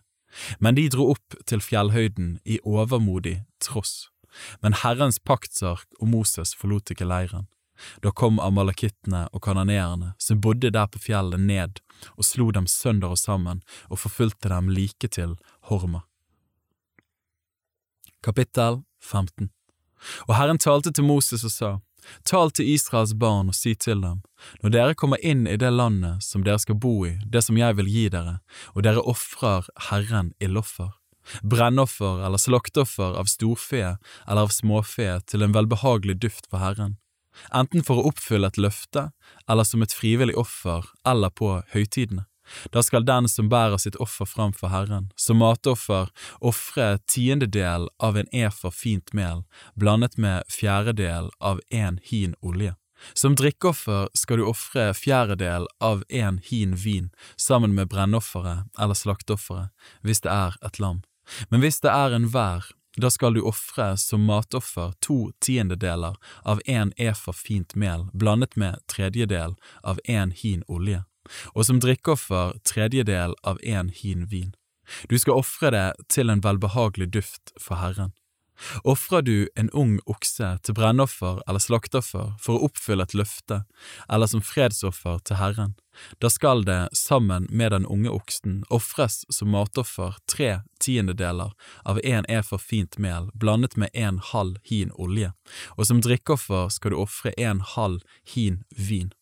Det er et ildoffer til en velbehagelig duft for Herren. Slik skal en gjøre det for hver okse, og for hver vær, og for hvert lam eller skje. Etter tallet på de dyr dere ofrer, skal dere gjøre slik for hvert enkelt dyr, så mange som de er. Hver innfødt skal gjøre slik når han ofrer et ildoffer til en velbehagelig duft for Herren. Og hvis en fremmed som holder til blant dere, eller som for alltid bor blant dere, ofrer et ildoffer til en velbehagelig duft for Herren, skal han gjøre på samme måten som dere. I menigheten skal det være samme lov for dere og for den fremmede som hører til hos dere, en evig lov fra slekt til slekt. For Herrens åsyn gjelder det samme for den fremmede som for dere selv. Det skal være én lov og én rett for dere og for den fremmede som holder til hos dere. Og Herren talte til Moses og sa, Tal til Israels barn og si til dem, når dere kommer inn i det landet som jeg fører dere til, og eter av landets brød, da skal dere komme med en offergave til Herren. Av den første deigen dere lager, skal dere gi en kake som offergave. Dere skal gi den på samme måten som når dere kommer med gaven fra treskeplassen. Fra slekt til slekt skal dere gi Herren en offergave av den første deigen. Når dere uforvarende gjør en synd og ikke holder alle disse bud som Herren har forsynt Moses, alt det som Herren har befalt dere ved Moses fra den dagen da Herren befalte det, og senere gjennom alle kommende slekter, da skal hele menigheten, hvis det er gjort uten at den visste det, og av vannvare, ofre en ung okse som brennoffer til en velbehagelig duft for Herren, med tilhørende matoffer og drikkeoffer, slik det er foreskrevet, og en geitebukk som syndoffer. Presten skal gjøre soning for hele Israels barns menighet, så får de tilgivelse for det var gjort av vannvare, og de har båret sitt offer fram for Herrens åsyn, et ildoffer til Herren og sitt syndoffer for den synden de har gjort av vannvare. Hele Israels barns menighet og den fremmede som holder til hos dem, får forlatelse fordi det var hendt hele folket av vannvare. Men når en enkelt mann synder av vannvare, skal han ofre en årsgammel geit til syndoffer. Og presten skal gjøre soning for Herrens åsyn for den som har syndet av vanvare, så han kan få tilgivelse når soningen for ham er fullført. For den innfødte blant Israels barn og for den fremmede som holder til hos dem, skal det være én lov. Den gjelder for dere alle når noen gjør noe av vanvare. Men den som gjør noe med oppløftet hånd, enten det er en innfødt eller en fremmed, han håner Herren, og han skal utryddes av sitt folk. For han har foraktet Herrens ord og brutt hans bud. Den mannen skal utryddes, han skal lide for sin misgjerning. Mens Israels barn var i ørken, traff de på en mann som sanket ved på sabbatsdagen. De som traff på ham da han sanket ved, førte ham fram for Moses og Aron og for hele menigheten, og de satte ham fast, for det var ikke gitt dem noe bud om hva en skulle gjøre med ham. Da sa Herren til Moses, Mannen skal dø, hele menigheten skal steine ham utenfor leiren. Så førte hele menigheten ham utenfor leiren og steinet ham så han døde, slik som Herren hadde befalt Moses. Og Herren sa til Moses, tal til Israels barn og si til dem at de skal gjøre seg dusker på kantene av sine klær, slekt etter slekt, og de skal sette en blå snor på hver enkelt dusk. Slike dusker skal dere ha, for når dere ser på dem, skal dere komme i hu alle Herrens bud og holde dem og ikke fare hit og dit og følge etter deres eget hjerte og øye, som lokker dere til hor. Slik skal dere huske på alle mine bud og holde dem og være hellige for deres Gud. Jeg er Herren deres Gud, som førte dere ut av landet Egypt for å være deres Gud. Jeg er Herren deres Gud. Kapittel 16 Kora, en sønn av Jishar, sønn av Kahat, Levis sønn, sammen med Datan og Abiram, sønner av Eliab og On, en sønn av Pelet, av Rubens ett, tok en flokk med seg. De sto fram for Moses, og sammen med dem 250 menn av Israels barn, høvdinger i menigheten, kalte av forsamlingen, aktede menn. De flokket seg sammen mot Moses og Aron og sa til dem, Nå får det være nok. Hele menigheten er hellig, alle sammen, og Herren er midt iblant dem. Hvorfor skal da dere opphøye dere over Herrens menighet? Da Moses hørte disse ordene, falt han på sitt ansikt, og han talte til Kora og hele flokken hans og sa, I morgen skal Herren åpenbare hvem som tilhører ham, og hvem som er hellig, så han lar ham komme nær til seg. Den som han utvelger, vil han la komme nær til seg. Gjør nå dette, ta dere ildkar, både Kora og hele hans flokk, og ha ild i dem, og legg røkelse på dem for Herrens åsyn i morgen. Og den mann som Herren utvelger, han skal være den hellige. Nå får det være nok, dere Levis barn.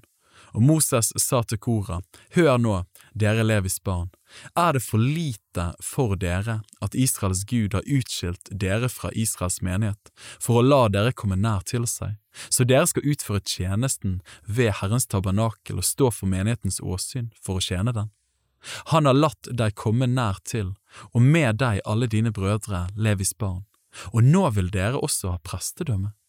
Det er mot Herren du og hele flokken din gjør opprør. For hva er Aron siden dere knurrer mot ham? Så sendte Moses bud etter Datan og Abiram, Eliabs sønner, men de sa, Vi kommer ikke. Er det ikke nok at du har ført oss opp fra et land som flyter med melk og honning for å la oss dø i ørken, siden du til og med vil gjøre deg til hersker over oss? Du har slett ikke ført oss inn i et land som flyter med melk og honning, eller gitt oss åkre og vingårder i eie. Vil du stikke ut øynene på dette folket?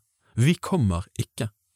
Da ble Moses meget vred og sa til Herren, Vend deg ikke til deres offer. Ikke så mye som et esel har jeg tatt fra dem, ikke en eneste blant dem har jeg gjort noe ondt. Så sa Moses til koret, I morgen skal du og hele flokken din stille dere fram for Herrens åsyn, både du og de andre og Aron. Og dere skal ta hver sitt ildkar og legge røkelse på dem, og dere skal bære hver sitt ildkar fram for Herrens åsyn, 250 ildkar. Du og Aron skal også ta hver sitt ildkar. Så tok de hver sitt ildkar og hadde ild i dem og la røkelse på dem. Og de stilte seg ved inngangen til sammenkomstens telt. Det samme gjorde Moses og Aron. Og Kora samlet hele menigheten mot dem ved inngangen til sammenkomstens telt. Da åpenbarte Herrens herlighet seg for hele menigheten, og Herren talte til Moses og Aron og sa, Skill dere ut fra denne menigheten, så vil jeg gjøre ende på dem i et øyeblikk. Men de falt ned på sitt ansikt og sa, Gud, du Gud som råder over livsens ånde i alt skjød, blir du vred på hele menigheten fordi om én mann synder? Da talte Herren til Moses og sa, Tal til menigheten og si, Gå bort fra hele plasten rundt omkring Koras, Datans og Abirams bolig. Så sto Moses opp og gikk til Datan og Abiram, og de eldste i Israel fulgte ham. Han talte til menigheten og sa, Gå bort fra disse ugudelige menns telt, rør ikke ved noe av det som hører dem til, for at dere ikke skal bli revet bort for alle deres synders skyld. Da gikk de bort fra Koras, Datans og Abirams bolig. Men Datan og Abiram var gått ut og sto i inngangen til teltene sine med sine koner og sine barn, både store og små. Og Moses sa, På dette skal dere kjenne at det er Herren som har sendt meg til å gjøre alle disse gjerninger, og at jeg ikke gjør dem av egen drift.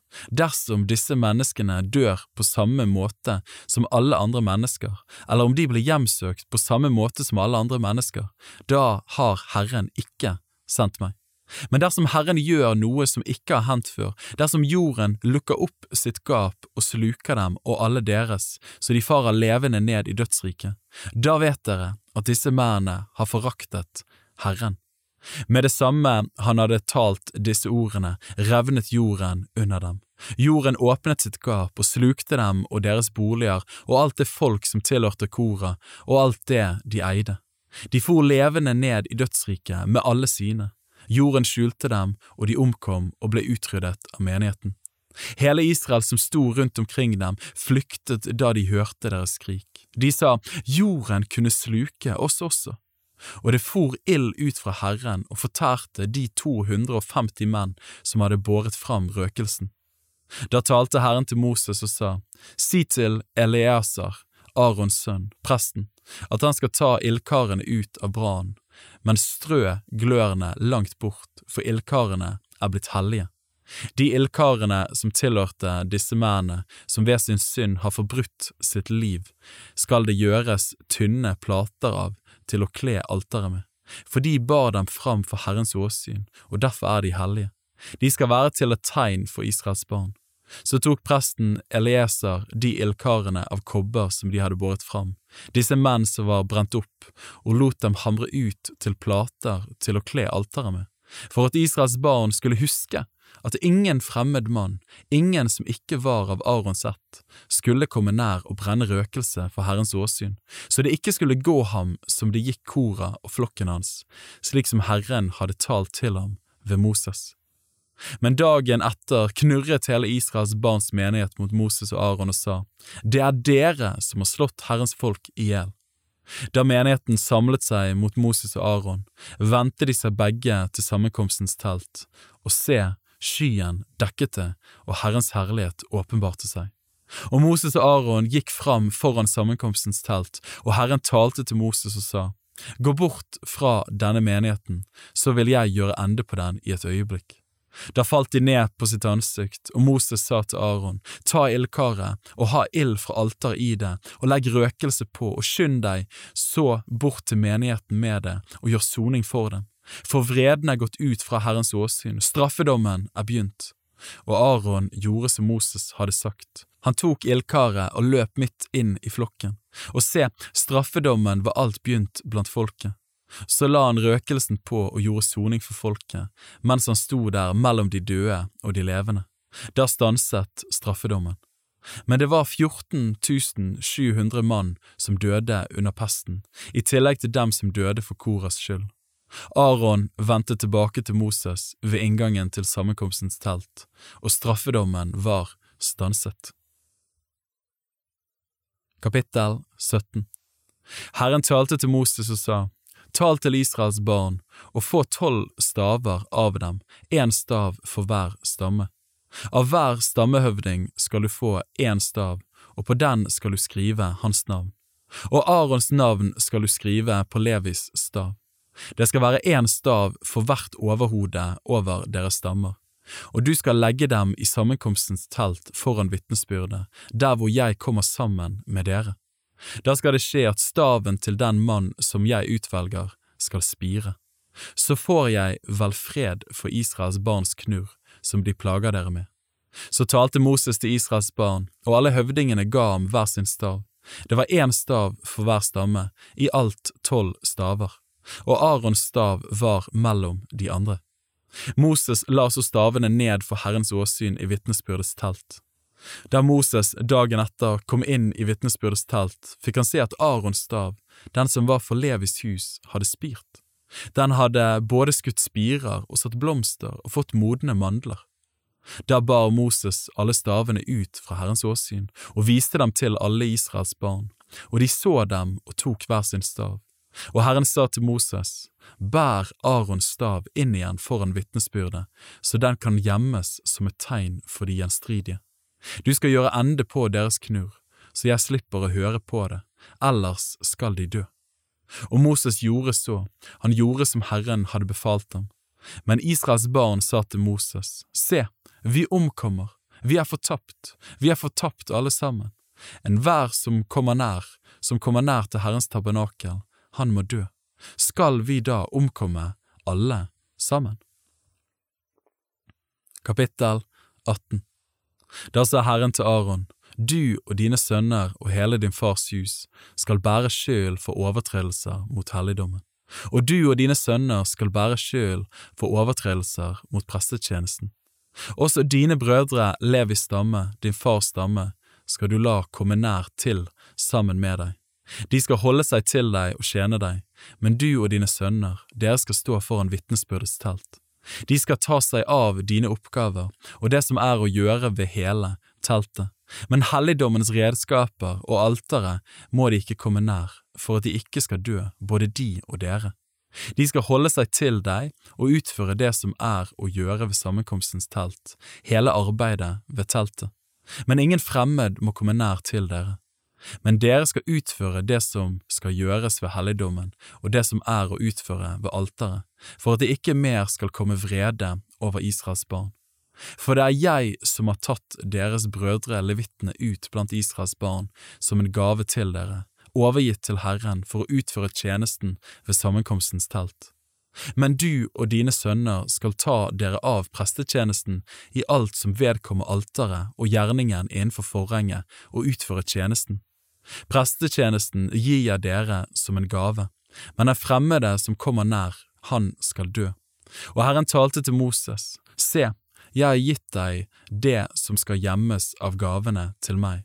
Alt det som Israels barn helliger, har jeg gitt deg og dine sønner som deres del og som en evig rettighet. Dette skal høre deg til av det høyhellige og unntas fra elen. Alle deres offer, både matoffer og syndoffer og skyldoffer, som de gir meg til gjengjeld. De er høyhellige og skal høre deg og dine sønner til. På det høyhellige sted skal du ete det. Alt mannskjønn kan ete av det. Hellig skal det være for deg. Videre skal dette høre deg til som de gaver de skal avgi, alle Israels barns svingegaver. Dem har jeg gitt deg og dine sønner og dine døtre som en evig rettighet. Enhver i ditt hus som er ren, kan ete av det. Alt det beste av olje, og alt det beste av most og korn, førstegrøden av dette, som de skal gi Herren, har jeg gitt deg. Førstegrøden av alt det som er i deres land, som de kommer til Herren med, skal høre deg til. Enhver i ditt hus som er ren, kan ete av det. Alt bannlyst i Israel skal høre deg til. Alt som åpner mors liv, alt levende som de kommer til Herren med, enten det er mennesker eller dyr, skal høre deg til. Men du skal la dem løse det som er førstefødt av mennesker. Likeså skal du la dem løse det som er førstefødt av de urene dyr. Fra de er en måned gammel skal løsepengene utredes etter det verd du setter, fem sekels sølv etter helligdommens vekt, sekelen regnet til 20 gera. Men det førstefødte av kyr eller av sauer eller av geiter skal ikke løses, de er hellige. Deres blod skal du stenke på alteret, og fettet skal du brenne som ildoffer til en velbehagelig duft for Herren. Men kjøttet skal høre deg til, like som svingebrystet og det høyre låret skal det høre deg til. Alle hellige gaver som Israels barn skal gi til Herren, har jeg gitt deg og dine sønner og dine døtre som en evig rettighet. Dette er en evig saltpakt for Herrens åsyn for deg og dine etterkommere. Og Herren sa til Aron, du skal ikke ha noen arv i deres land, og det skal ikke tilfalle deg noen del iblant dem, jeg er din del og din arv blant Israels barn. Men all tiende i Israel har jeg gitt Levis barn til arv, som lønn for den tjenesten de utfører, tjenesten ved sammenkomstens telt. Israels barn skal ikke mer komme nær til sammenkomstens telt, for da fører de synd over seg og må dø. Men levittene skal utføre tjenesten ved sammenkomstens telt. De skal bære skylden for folkets overtredelser. Det skal være en evig lov fra slekt til slekt. Men noen arvedel skal de ikke ha blant Israels barn. For tienden som Israels barn skal avgi til Herren, har jeg gitt levittene til arv. Derfor har jeg sagt til dem at de ikke skal ha noen arv blant Israels barn.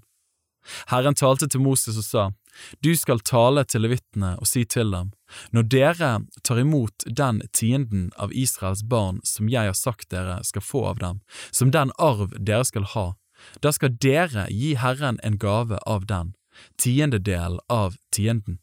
Denne deres gave skal regnes som jevngod med kornet fra treskeplassen og med vin fra presten. Slik skal også dere gi en gave til Herren av all den tienden som dere får av Israels barn. Denne gaven til Herren av deres tiende skal dere gi til Aron, presten. Av alle de gaver dere får, skal dere gi til Herren hele den gaven som tilkommer ham. Det beste av enhver gave skal være den del som helliges til ham. Og du skal si til dem, når dere har gitt den beste del av det, da skal det for levittenes del bli regnet likt med det som kommer inn fra treskeplasten og fra vinpressen. Dere kan ete det hvor dere vil, dere og deres husfolk, for det er den lønn dere får for tjenesten ved sammenkomstens telt. Når dere slik gir det beste av det, kommer dere ikke til å føre synd over dere. Da vanhelliger dere ikke Israels barns hellige gaver og skal ikke dø. Kapittel 19 Herren talte til Moses og Aron og sa, Dette er et lovbud som Herren har kunngjort. Si til Israels barn at de skal komme til deg med en rød kvige som ikke har lyte eller feil, og som det ikke er kommet åk på. Den skal dere gi til Elieser, presten. Han skal føre den utenfor leiren, og de skal slakte den for hans åsyn. Og Elieser, presten, skal ta noe av blodet på fingeren, og han skal stenke med blodet sju ganger bort imot forsiden av sammenkomstens telt. Så skal de brenne kvigen for hans øyne, både huden og kjøttet og blodet og mageinnholdet med skal de brenne. Og presten skal ta sedertre og isop og karmosinrød ull og kaste det i ilden der hvor kvigen brennes.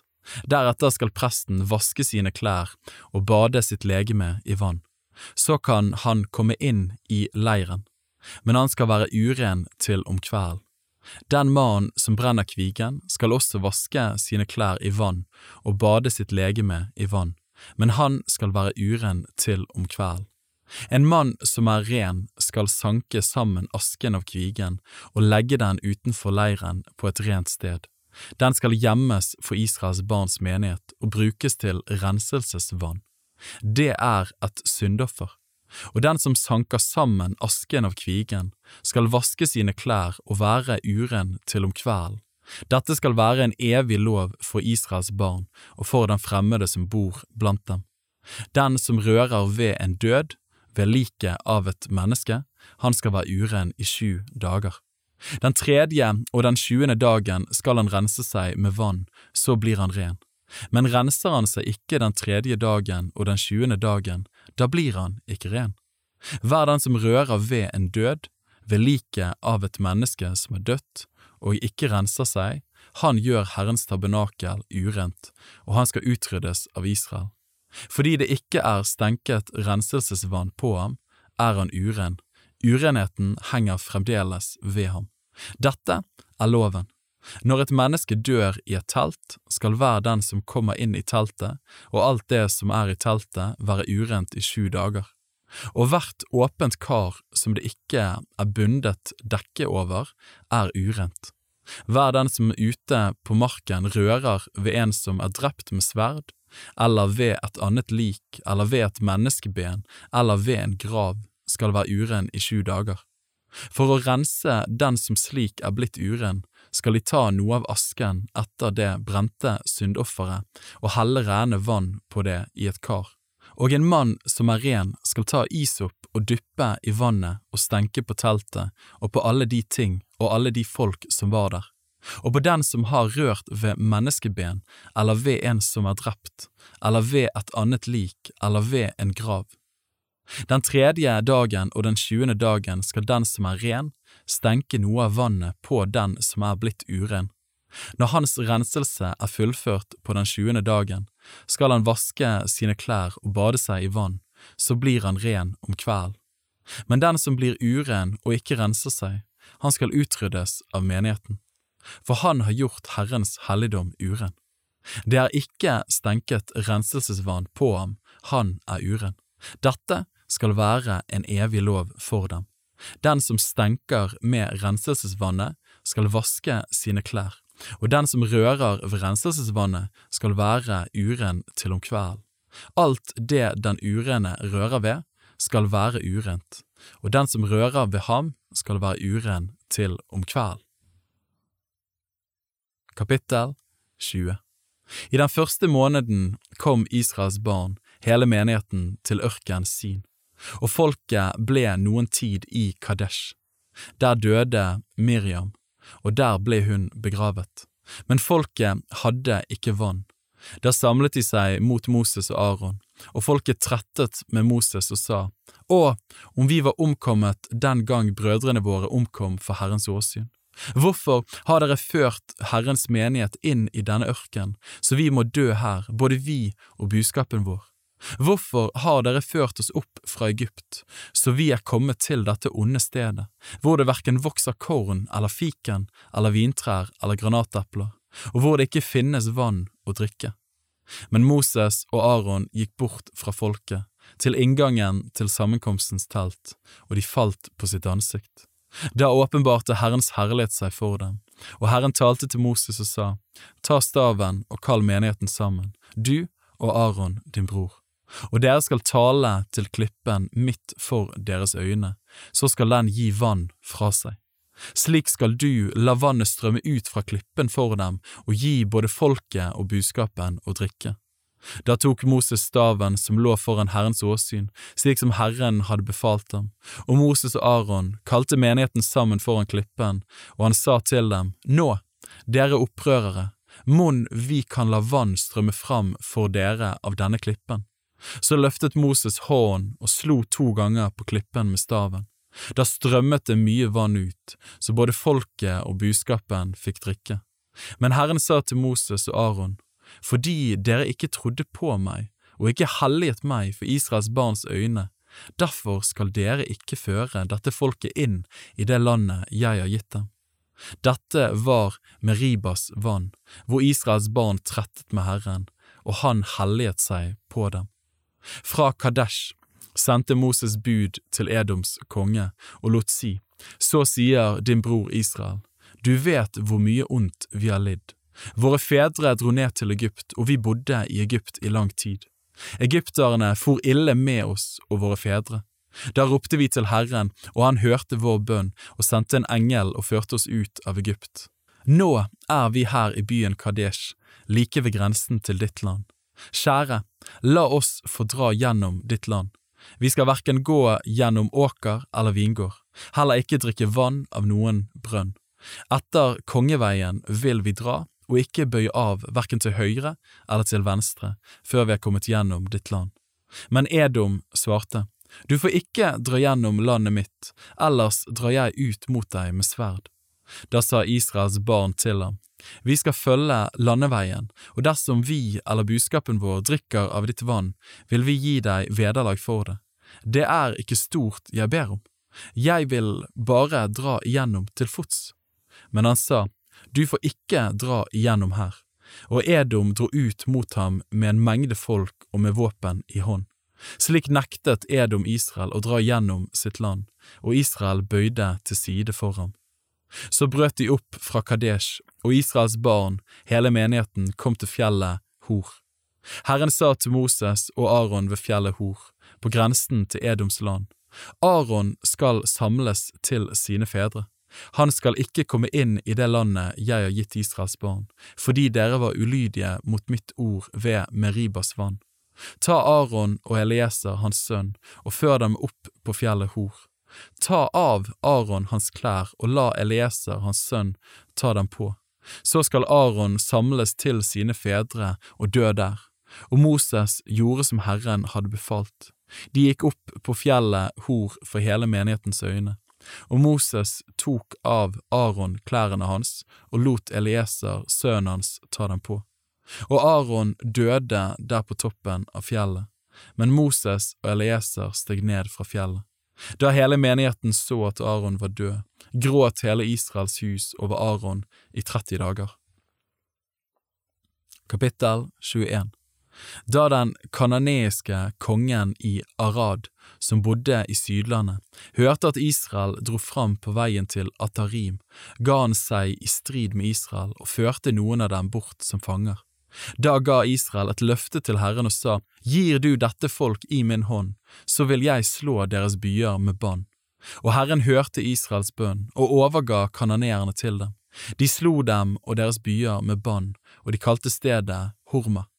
Så brøt de opp fra fjellet Hor og tok veien til Rødehavet for å dra ut utenom Edoms land, men på veien ble folket utålmodig. De talte mot Gud og mot Moses og sa, Hvorfor har dere ført oss opp fra Egypt, så vi må dø her i ørken? For her er hverken brød eller vann, og vi er inderlig lei av denne usle maten. Da sendte Herren serafslanger inn blant folket, de bet folket, og mye folk av Israel døde. Så kom folket til Moses og sa, Vi har syndet, fordi vi har talt mot Herren og mot deg. Be til Herren at han vil ta slangene bort fra oss. Og Moses ba for folket. Da sa Herren til Moses, Lag deg en serafslange og sett den på en merkestang, så skal hver den som er bitt og ser på den, få leve. Så laget Moses en kobberslange og satte den på en merkestang, og når en slange hadde bitt noen og han så på kobberslangen, ble han i live. Siden brøt Israels barn opp og slo leir i Obot. Så brøt de opp fra Obot og slo leir ved Lie ha-Abarim, i ørkenen rett øst for Moab. Derifra brøt de opp og slo leir i Sereddal.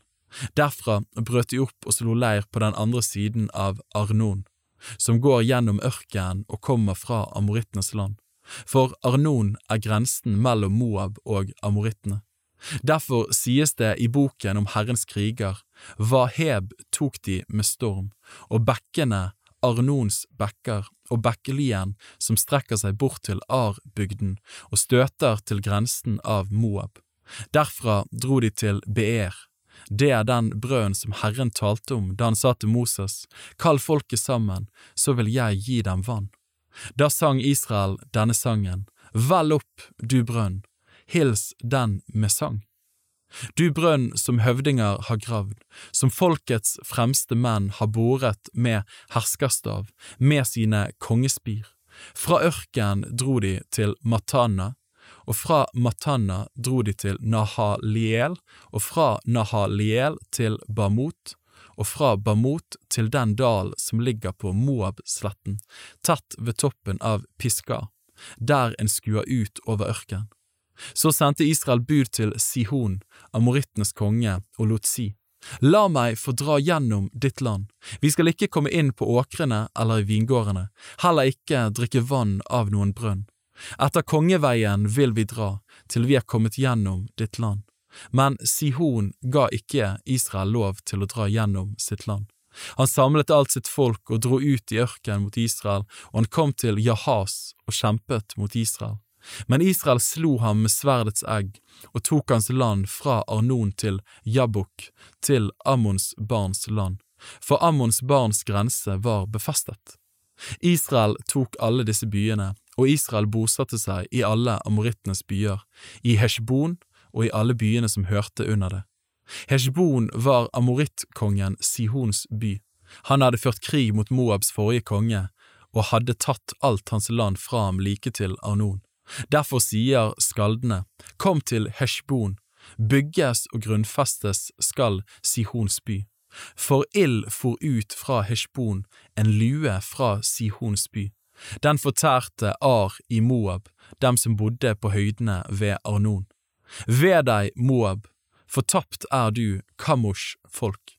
Han har sendt sine sønner som flyktninger og sine døtre som fanger til amorittenes konge Sihon. Vi skjøt dem ned. Ødelagt er Heshbon, like til Dibon. Vi herjet til Nofa, med ild helt til Medba.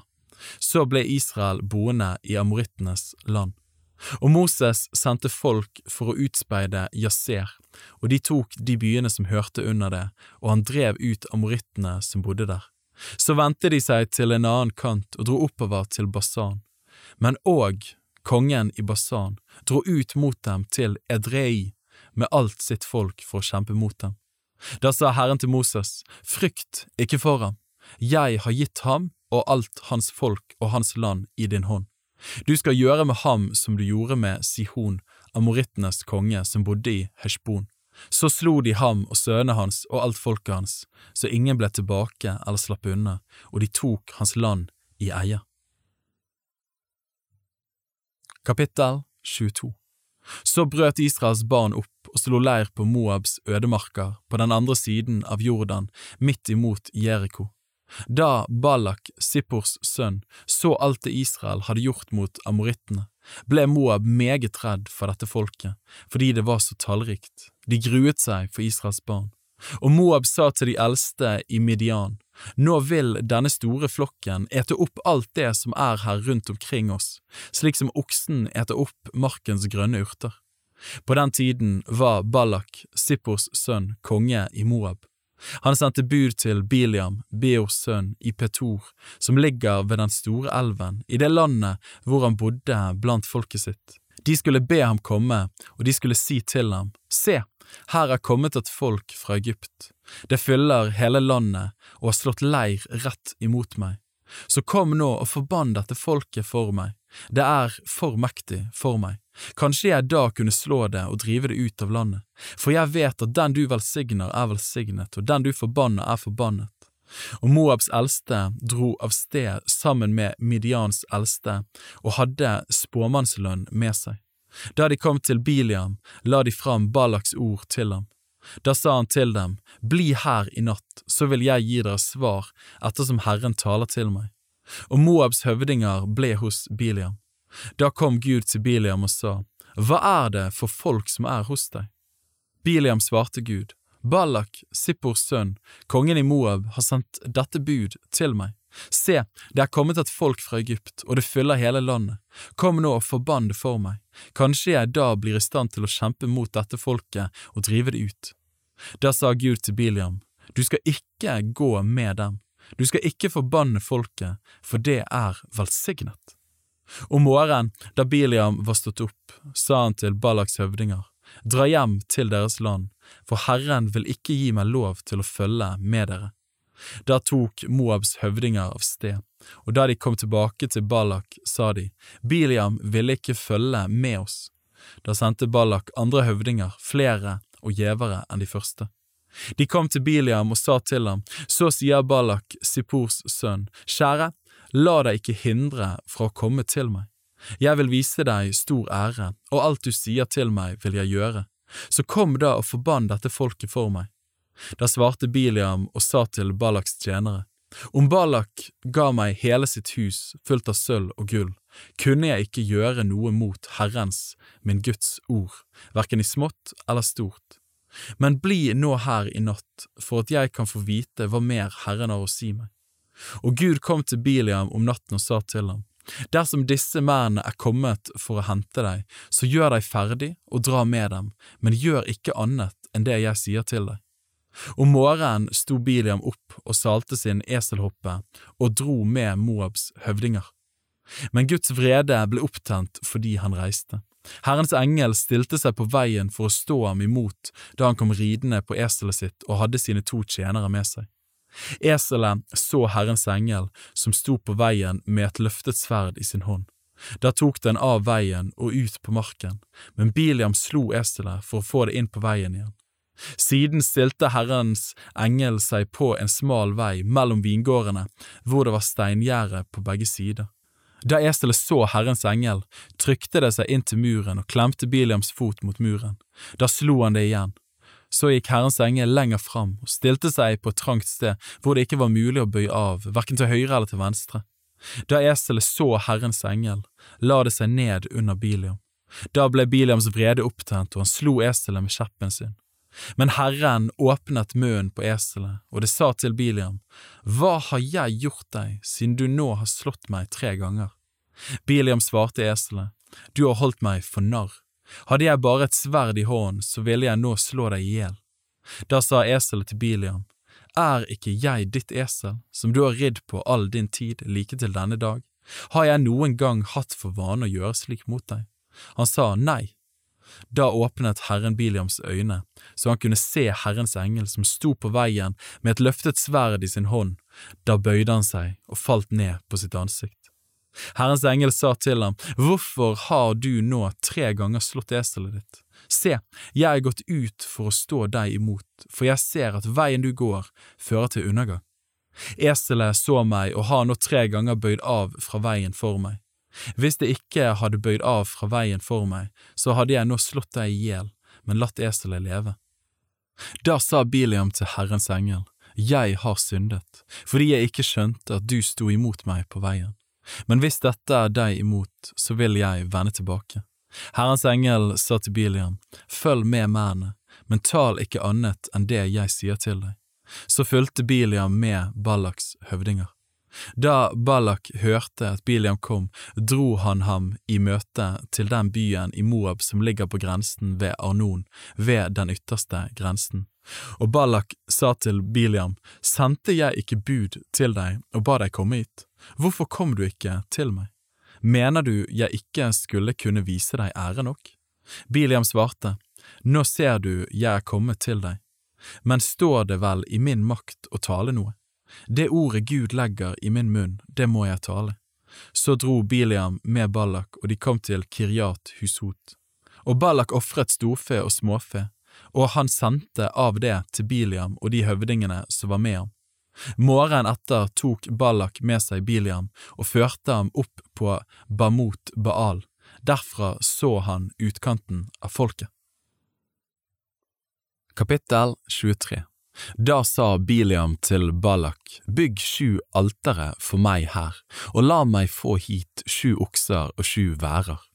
Ballak gjorde som Biliam sa, og Ballak og Biliam ofret en okse og en vær på hvert alter. Så sa Biliam til Ballak, bli stående her ved ditt brennoffer, så vil jeg gå bort en stund, kanskje Herren kommer meg i møte. Det som han lar meg skue, det skal jeg la deg få vite. Så gikk han opp på en bar høyde. Der kom Gud Biliam i møte, og Biliam sa til ham, Nå har jeg gjort i stand sju altere og ofret en okse og en vær på hvert alter. Da la Herren et ord i Biliams munn og sa, Vend tilbake til Ballak og tal som jeg har sagt deg. Da han kom tilbake, så han Ballak stå ved sitt brennoffer sammen med alle Moabs høvdinger. Da stemte han i med sitt kvad og sa, Ballak henter meg fra Aram, fra Østens fjell, Moabs konge. Kom og forbann Jakob for meg, kom og tal ondt over Israel. Hvordan kan jeg forbanne den Gud ikke forbanner? Hvordan skal jeg fordømme den Herren ikke fordømmer? Fra fjellets tinde ser jeg ham, fra høydene skuer jeg ham. Se, det er et folk som bor for seg selv, og blant hedningefolkene regner det seg ikke. Hvem kan telle Jakobs ett, talløs som støvet, eller bare fjerdedel av Israel? Må min sjel dø de oppriktiges død, må min siste slutt bli som deres. Da sa Ballak til Biliam, Hva har du gjort mot meg? Jeg hentet deg for at du skulle forbanne fiendene mine, og se, du har velsignet. Men han svarte, Skulle jeg ikke akte på det Herren legger i min munn og tale det?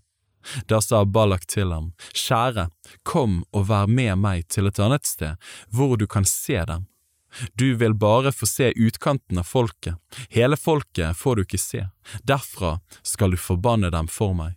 Så tok han ham med seg til Speiderhuen på toppen av Piskafjellet. Der bygde han sju altere og ofret en okse og en vær på hvert alter.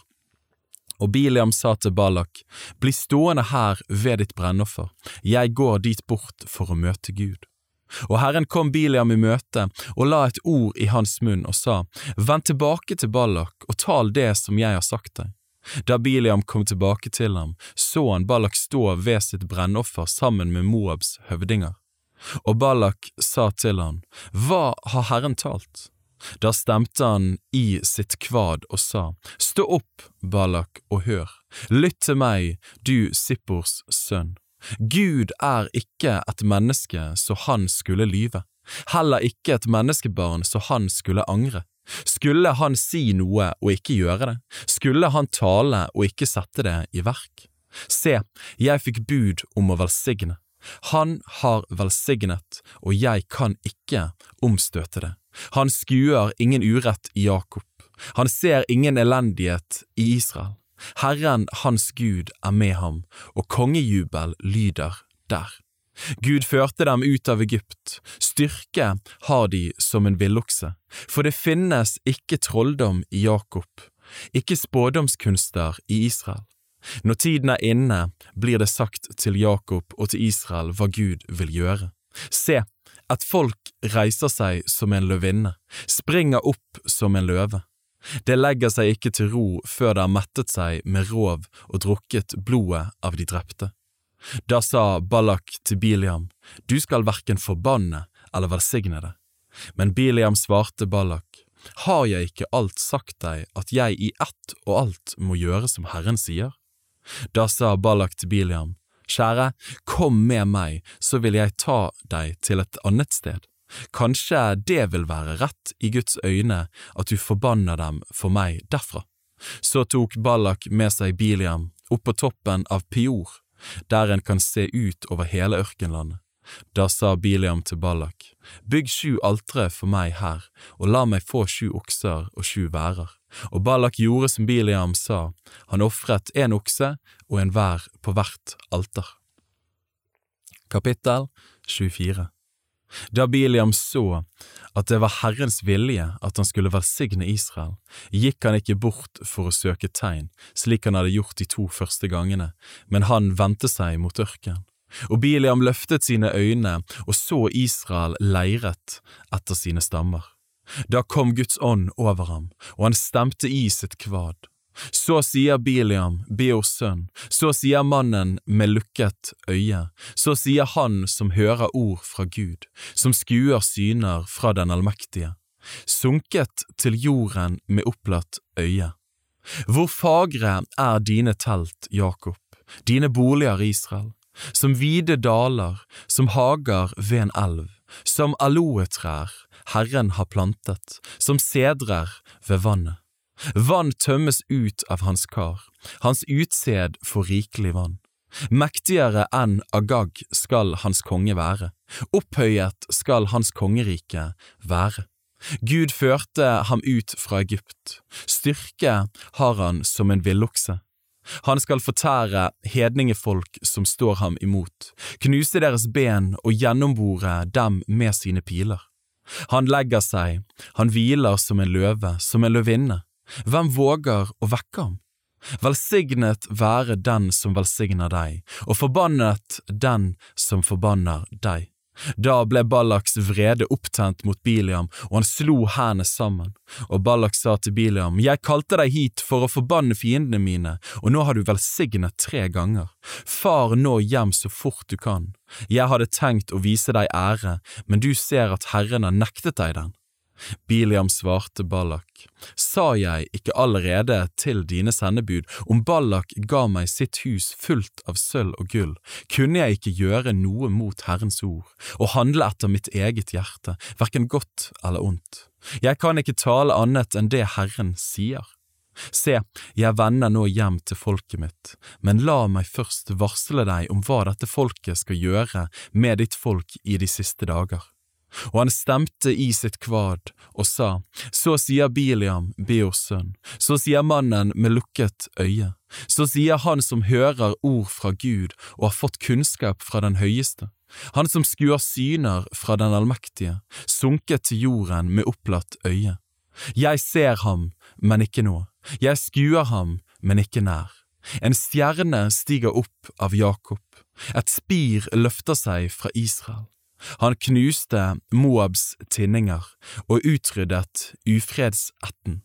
Edom blir ham underlagt, Seir, hans fiende, blir ham underlagt. Stort velde vinner Israel. En hersker går ut fra Jakob, han utrydder dem som har reddet seg inn i byene. Så fikk han se amalekittene, da begynte han å fremsi sitt kvad. Det første blant hedningefolkene er Amalek, men til sist skal han gå til grunne. Så fikk han se kenittene, og han sa fram sitt kvad. Fast er din borg, på berget har du bygd ditt rede, men likevel skal Kain bli ødelagt når Asur fører deg bort i fangenskap. Så stemte han igjen i med sitt kvad og sa, Ved, hvem skal bli i live når Gud lar dette skje? En flåte av skip kommer fra Kittims kyst. De underkuer Asur, de underkuer Eber, men også de skal gå til grunne. Så sto Biliam opp og vendte hjem igjen, og Ballak dro også sin vei. Kapittel 25 mens Israel oppholdt seg i Shittim, begynte folket å drive hor med Moabs døtre, som innbød folket til offermåltidene for gudene sine, og folket åt og tilba deres guder. Israel holdt seg til Baal Peor. Da ble Herrens vrede opptent mot Israel, og Herren sa til Moses, ta alle lederne i folket og la dem nagle til pælen under sol for Herren, for at Herrens brennende vrede kan vendes bort fra Israel. Og Moses sa til Israels dommere, hver av dere skal slå i hjel dem av sine folk som har holdt seg til Baal Pior. Da kom en mann av Israels barn med en midjanittisk kvinne. Han førte henne inn blant sine brødre, like for øynene på Moses og hele Israels menighet, mens de satt og gråt ved inngangen til sammenkomstens telt. Da Pineas, sønn av Eliasar og sønnesønn av Aron presten så det, steg han fram av menigheten. Han tok et spyd i hånden, så gikk han etter den israelittiske mannen inn i det innerste rommet i teltet. Der stakk han spydet gjennom dem begge, både den israelittiske mannen og kvinnen, så det gikk inn i hennes liv. Da stanset sotten og vek fra Israels barn. De som døde i sotten var 24 000, og Herren talte til Moses og sa, Pineas, sønn av Elieser og sønnesønn av Aron, presten, har vendt min vrede bort fra Israels barn, for han brant av min nidkjærhet blant dem, så jeg ikke gjorde ende på Israels barn i min nidkjærhet. Derfor skal du si, se, jeg gjør min pakt med ham at det skal gå ham vel, med ham og hans etterkommere gjør jeg en pakt at de skal ha et evig prestedømme, fordi han var nidskjær for sin Gud og gjorde soning for Israels barn. Men navnet på den drepte israelittiske mannen, han som ble drept sammen med den medianittiske kvinnen, var Simri, sønn av Salu, høvding for en familie blant simionittene. Og den drepte medianittiske kvinnens navn var Kusbi, datter av Sur. Han var høvding for en stammefamilie blant midjanittene. Og Herren talte til Moses og sa, Angrip midjanittene og slå dem, for de angrep dere og la svikefulle planer mot dere da dette hendte med Peor og med Kosbi, deres søster, den midjanittiske fyrstens datter, hun som ble drept den gang sotten kom over dere for Peors skyld. Kapittel 26 Da sotten var forbi, sa Herren til Moses og til Elieser, sønn av Aron, presten. Ta opp manntall over hele Israels barns menighet, fra 20-årsalderen og oppover etter deres familier. Tell alle dem i Israel som kan dra ut i strid. Moses og Elieser, presten, talte med dem på Moabs ødemarker ved Jordan, midt imot Jeriko, og sa, Fra tjueårsalderen og oppover skal de mønstres, slik som Herren hadde befalt Moses og Israels barn, de som var dratt ut av Egypt. Ruben var Israels førstefødte. Rubens barn var fra Hanuk, hanukittenes ett, fra Pallu, paluittenes ett, fra Hezron, hezronittenes ett, fra Karmi, karmittenes ett. Dette var rubenittenes etter, og de som ble mønstret av dem, var 43 730. Pallus sønn var Eliab, og Eliabs barn var Nemuel og Datan og Abiram. Det var den Datan og den Abiram som var utvalgt av forsamlingen, og som yppet strid mot Moses og Aron den gang Koras flokk satte seg opp mot Herren, og jorden åpnet sitt gap og slukte både dem og Kora. Hele flokken omkom da El fortærte de 250 menn, og de ble til et advarende tegn. Men Koras barn omkom ikke. Simeons barn var etter sine etter, fra Nemuel, Nemuelittenes ett, fra Jamin, Jaminittenes ett, fra Jakin, Jakinittenes ett, fra Sera, Serahittenes ett, fra Saul, Saulittenes ett. Dette var simeonittenes etter, 22 200. Gads barn var etter sine etter, fra Sefon, sefonittenes ett, fra Hagi, hagittenes ett, fra Shuni, sjunittenes ett, fra Osni, osnittenes ett, fra Eri, erittenes ett, fra Arod, arodittenes ett, fra Areli, arelittenes ett. Dette var Gads barns etter, så mange av dem som ble mønstret, 40 500. Judas barn var Er og Onan, men Er og Onan døde i Kanans land. Og Judas barn var etter sine etter, fra Sjela, shelaittenes ett fra Peres, peresittenes ett fra Sera, serahittenes ett. Peres barn var fra Hesron, hesronittenes ett, fra Hamul, hamulittenes ett. Dette var Judas etter, så mange av dem som ble mønstret, 76 500. Issakars barn var etter sine etter, fra Tola, Tolaitnes ett, fra Puva, Punitnes ett, fra Jashub, Jashubitnes ett, fra Shimron, Shimronitnes ett. Dette var Issakars etter, så mange av dem som ble mønstret, 64 300. Sebulons barn var etter sine etter, fra Sered, Seraditnes ett, fra Elon, Elonitnes ett, fra Jahaleel, Jahaleitnes ett. Dette var Sebulonitnes etter, så mange av dem som ble mønstret, 60 500. Josefs barn var etter sine etter, Manasse og Eifreim. Manasses barn var fra Makir Makrittenes ett, og Makir var far til Gilead, fra Gilead Gileadittenes ett. Gileads barn var fra Jeser Jeserittenes ett, fra Helek Helkittenes ett, fra Azriel Azreelittenes ett, fra Sikem Sikemittenes ett, fra Shemida shemidaittenes ett, og fra Hefer Hefrittenes ett. Men Sjelofad, Hefers sønn, hadde ingen sønner, bare døtre. Selofads døtre hette Mahala og Noah, Hogla, Milka og Tirsa. Dette var Manasses etter, og de av dem som ble mønstret, var 52 700. Eifrems barn var etter deres etter, fra Shutela, Shutelahittenes ett fra Beker, Bekerittenes ett fra Tahan, Tahanittenes ett. Sjuetelas barn var fra Iran, Eranittenes ett. Dette var Eifreims barns etter, så mange av dem som ble mønstret, 32 500. Dette var Josefs barn etter deres etter. Benjamins barn var etter sine etter, fra Bela, Balittenes ett fra Ashbel, Ashbelittenes ett fra Akiram, Akiramittenes ett fra Sefufam, Sufamittenes ett fra Hufam, Hufamittenes ett. Belas barn var Ard og Naaman, fra Ard, Ardittenes ett fra Naaman, Naamittenes ett. Dette var Benjamins barn etter deres etter, og de som ble mønstret av dem var 45 600. Dans barn var etter sine etter, fra Shuham, sjuamittenes ett. Dette var Dans etter, etter deres ettertavle. Alle sjuamittenes etter, så mange som ble mønstret av dem, var 64 400. Ashers barn var etter sine etter, fra Jimna, Jimnaittenes ett, fra Jishivi, Jishivittenes ett, fra Beria, Berittenes ett av Berias barn fra Heber, hebrittenes ett, fra Malkiel, malkielittenes ett.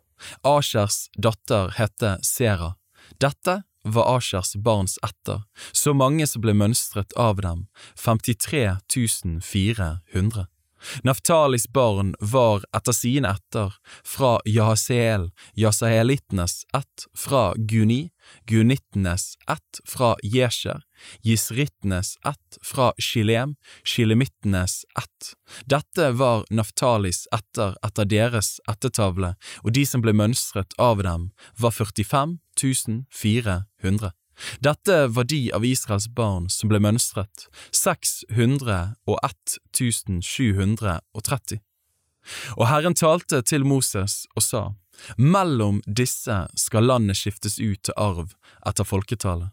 Den stammen som er stor, skal du gi en stor arv, den som er liten, skal du gi en liten arv.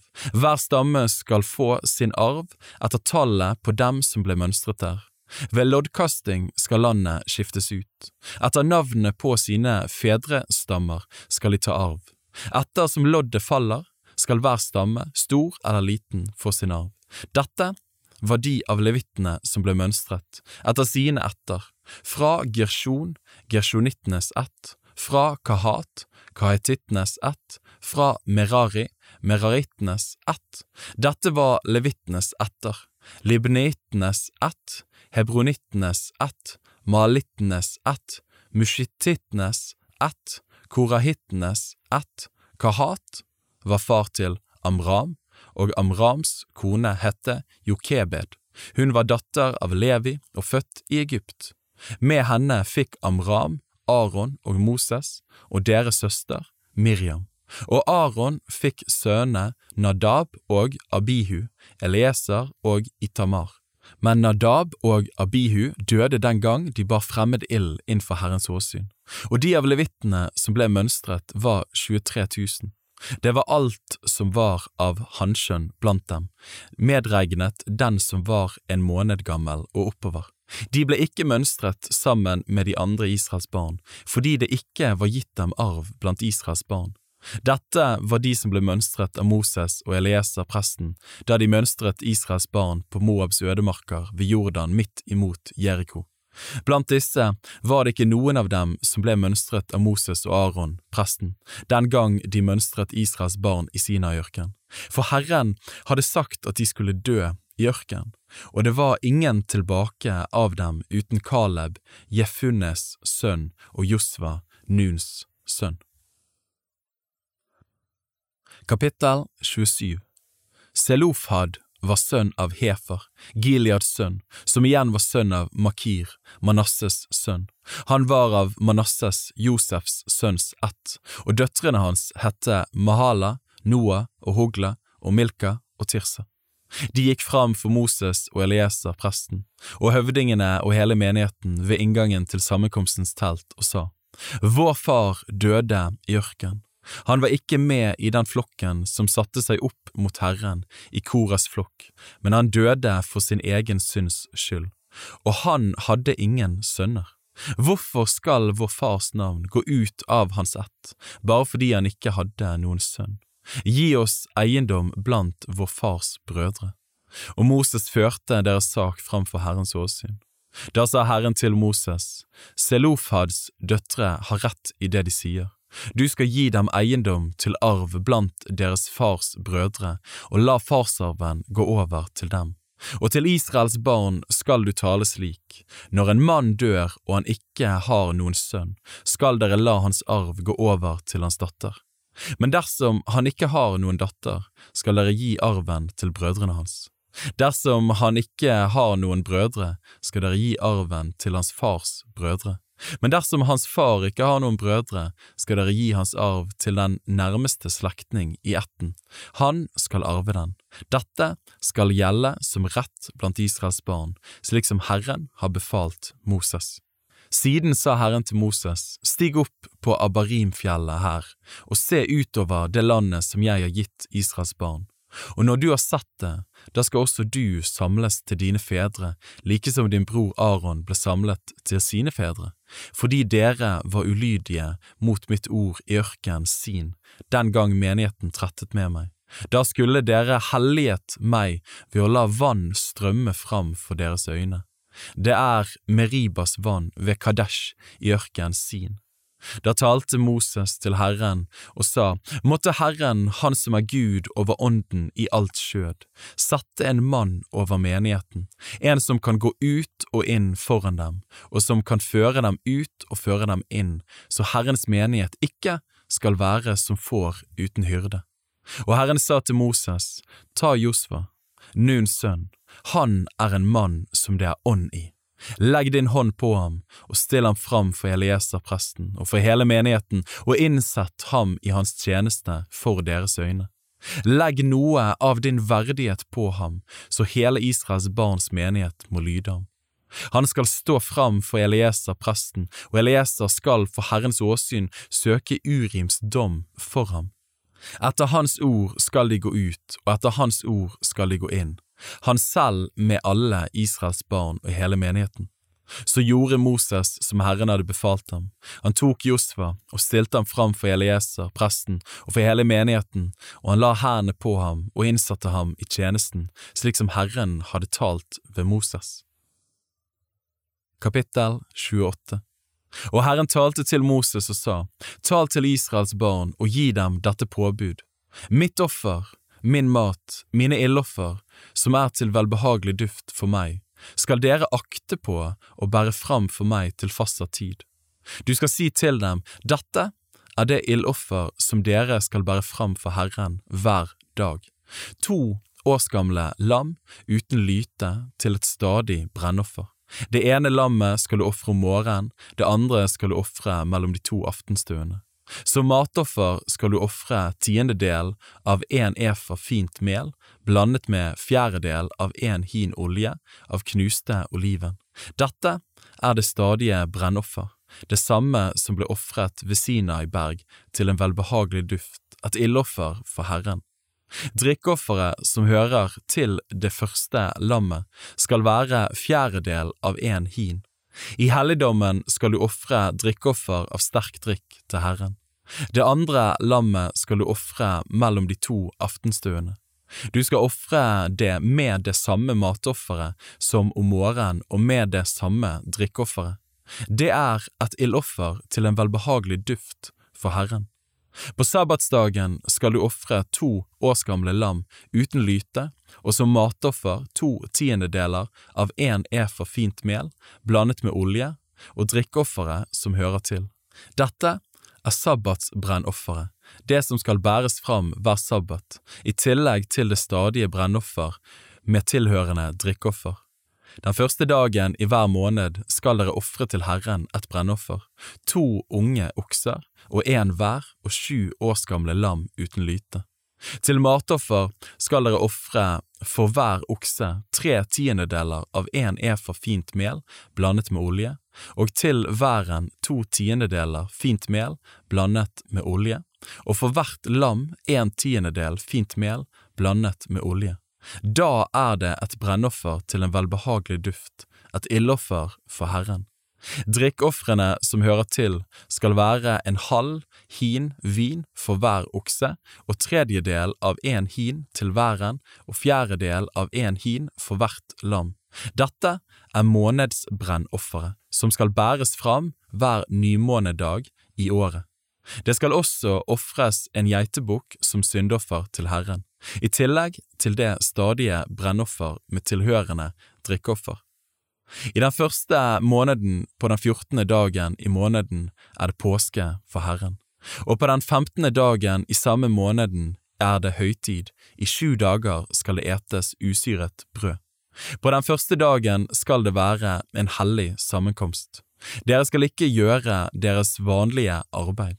Dere skal ofre et ildoffer, et brennoffer for Herren, to unge okser og en hver og sju års gamle lam, uten lyte skal de være, og som tilhørende matoffer, fint mel blandet med olje.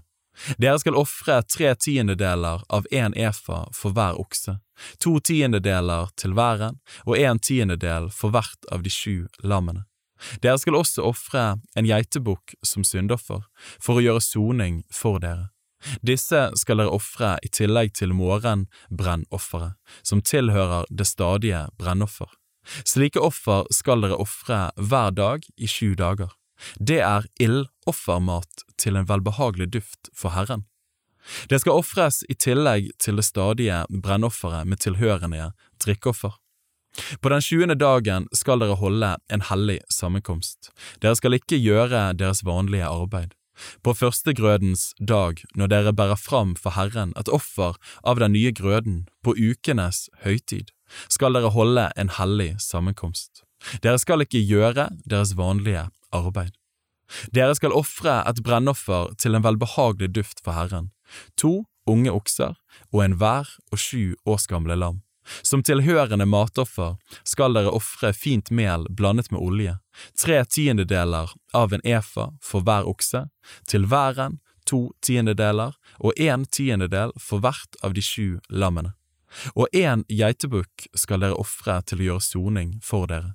I tillegg til det stadige brennoffer med tilhørende matoffer skal dere bære fram disse offer, uten lyte skal de være, med tilhørende drikkeoffer.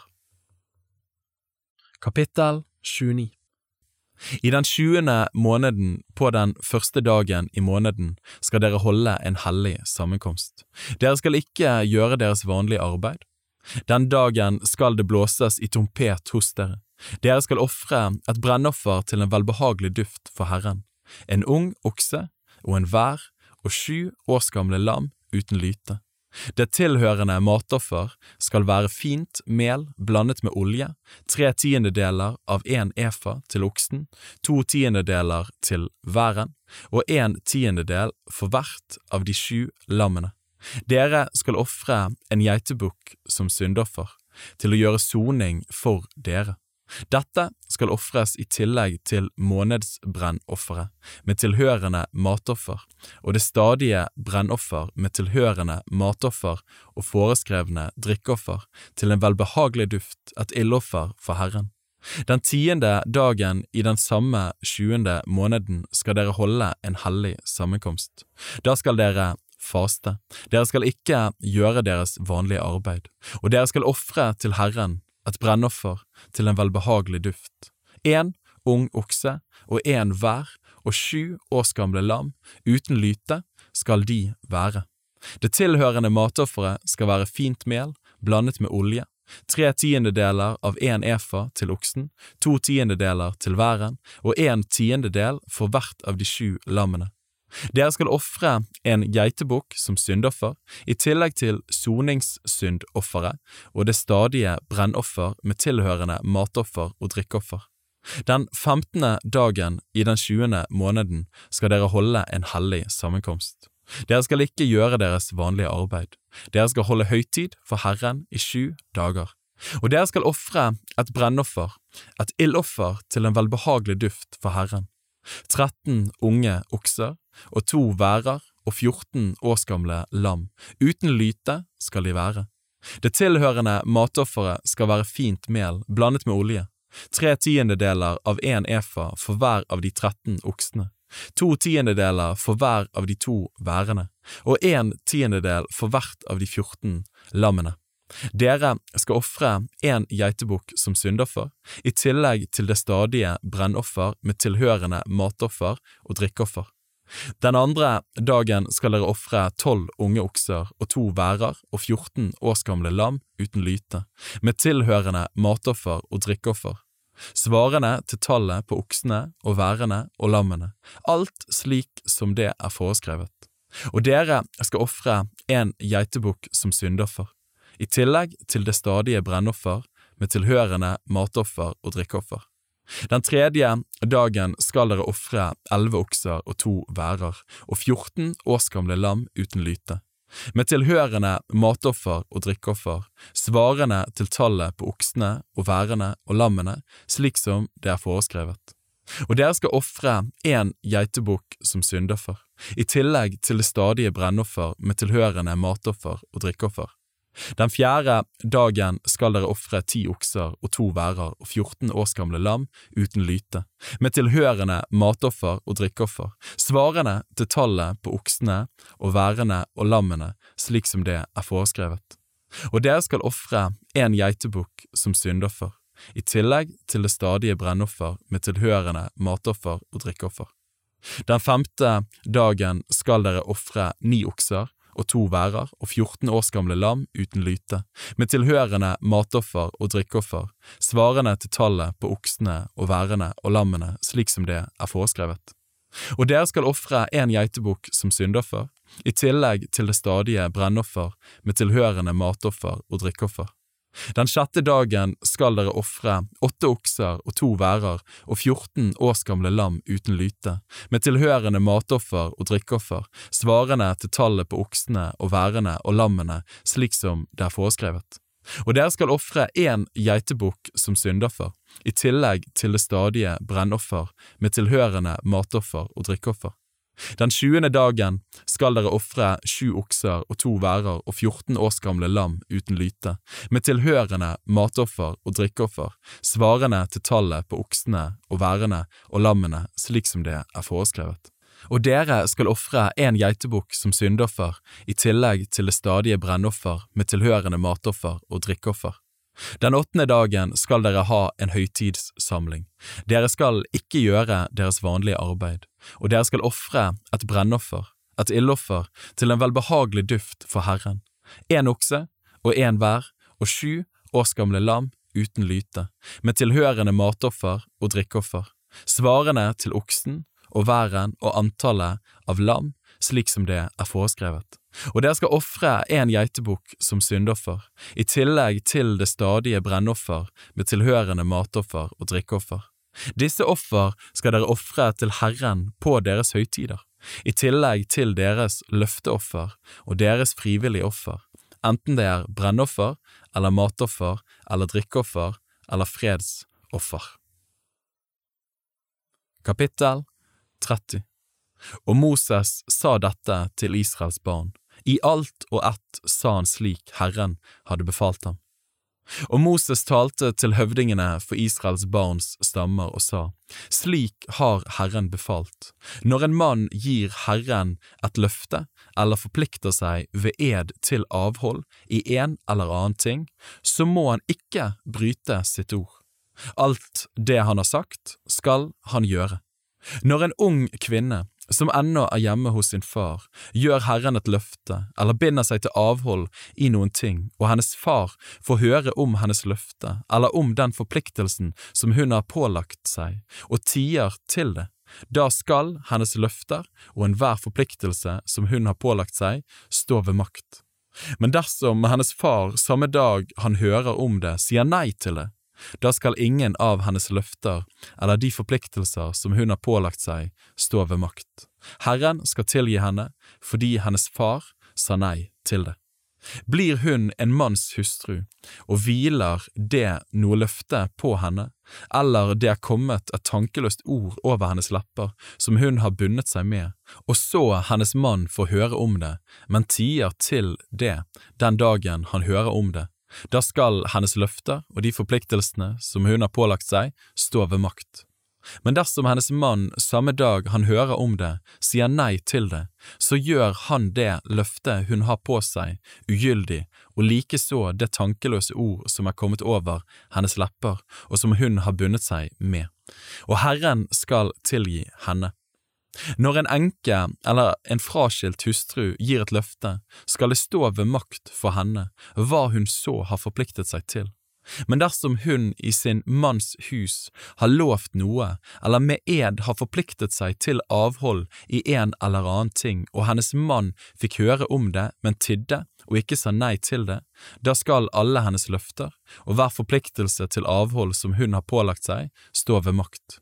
Men har hennes mann gjort dem ugyldige den dagen han hørte om det, da skal ikke noe stå ved makt av det som er kommet over hennes lepper, enten det er et løfte hun har gjort, eller det er en forpliktelse til avhold.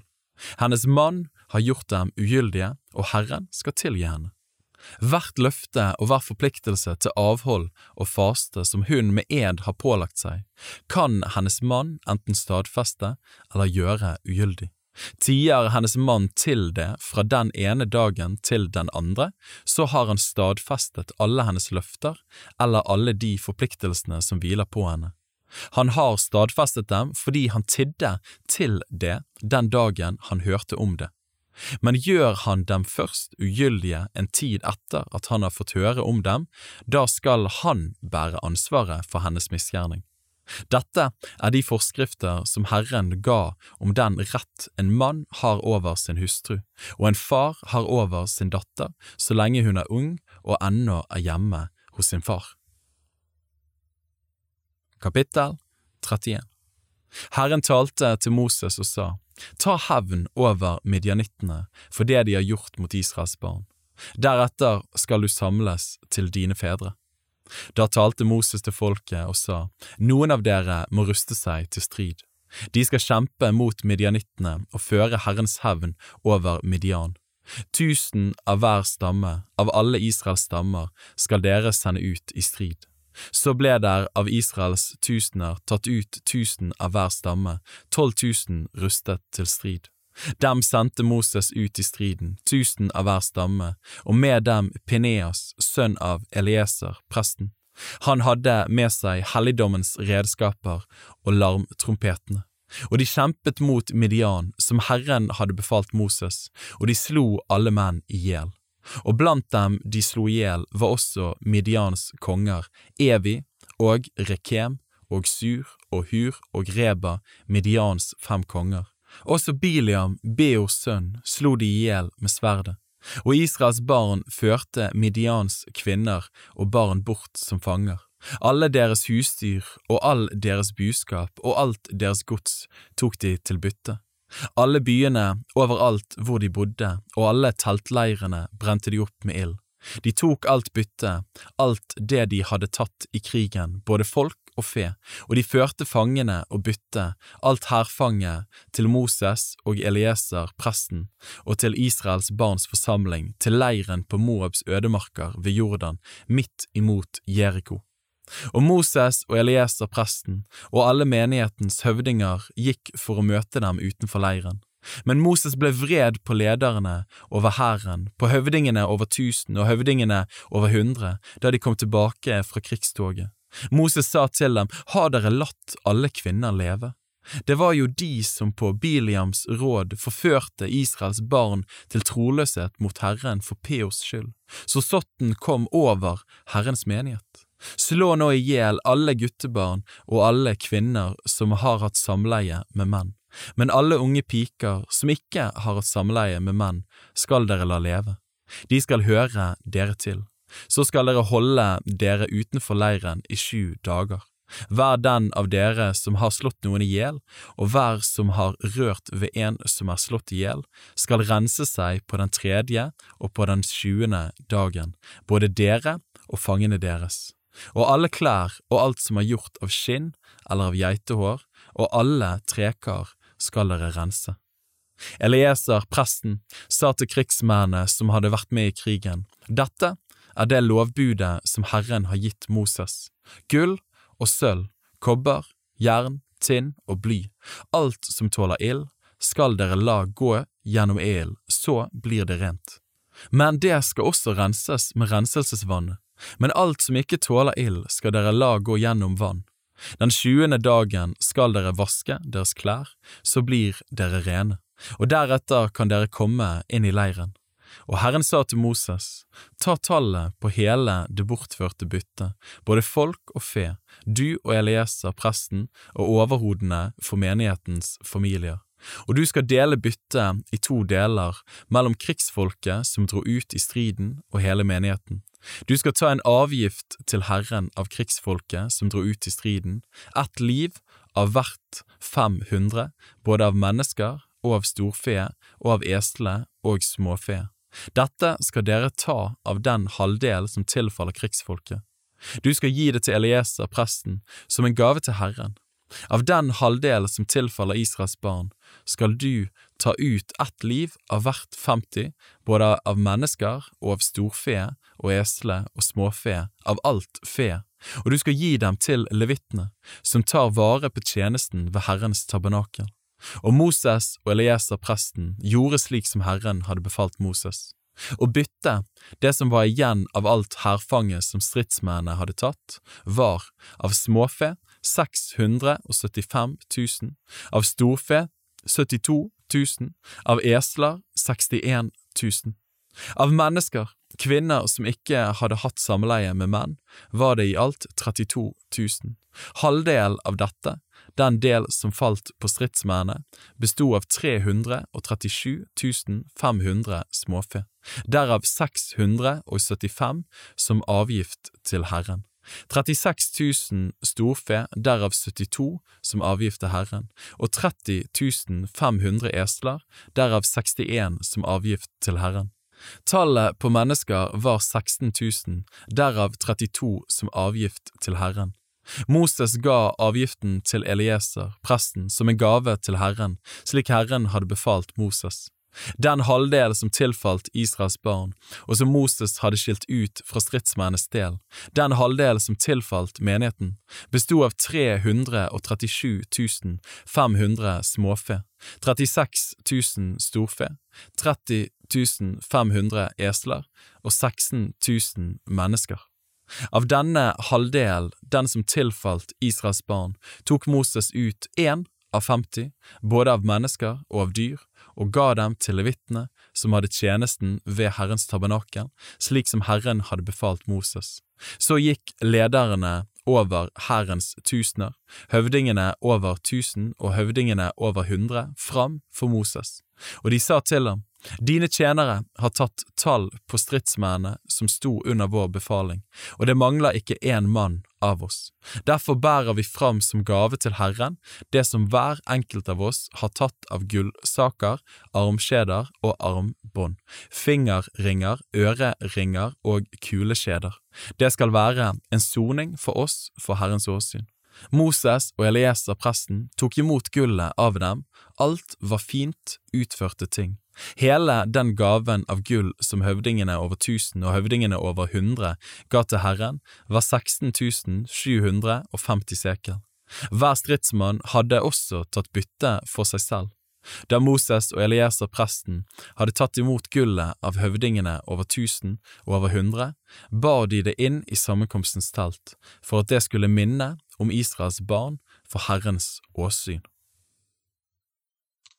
Kapittel 32 Rubens barn og Gads barn hadde en mengde fe, en stor mengde, og da de så at Jaseers land og Gileads land var vel skikket for feavl, kom de, både Gads barn og Rubens barn, og sa til Moses og Elieser presten og menighetens høvdinger, Atarot og Dibon og Yaser og Nimra og Heshbon og El-Ale og Sebam og Nebo og Bion, det landet som Herren har vunnet for Israels folk, er et land som er vel skikket for feavl, og dine tjenere har mye fe.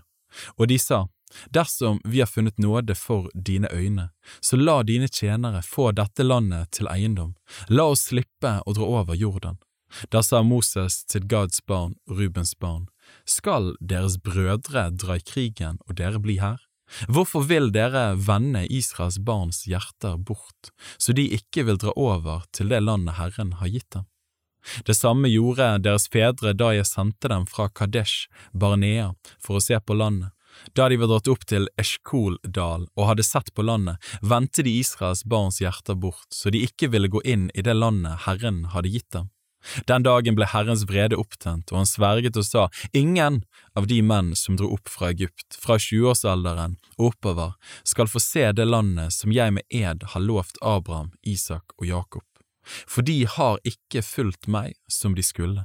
Ingen uten Kaleb, Jefunnes sønn, Kenisitten og Josva, Nuns sønn, for de har fulgt Herren trofast.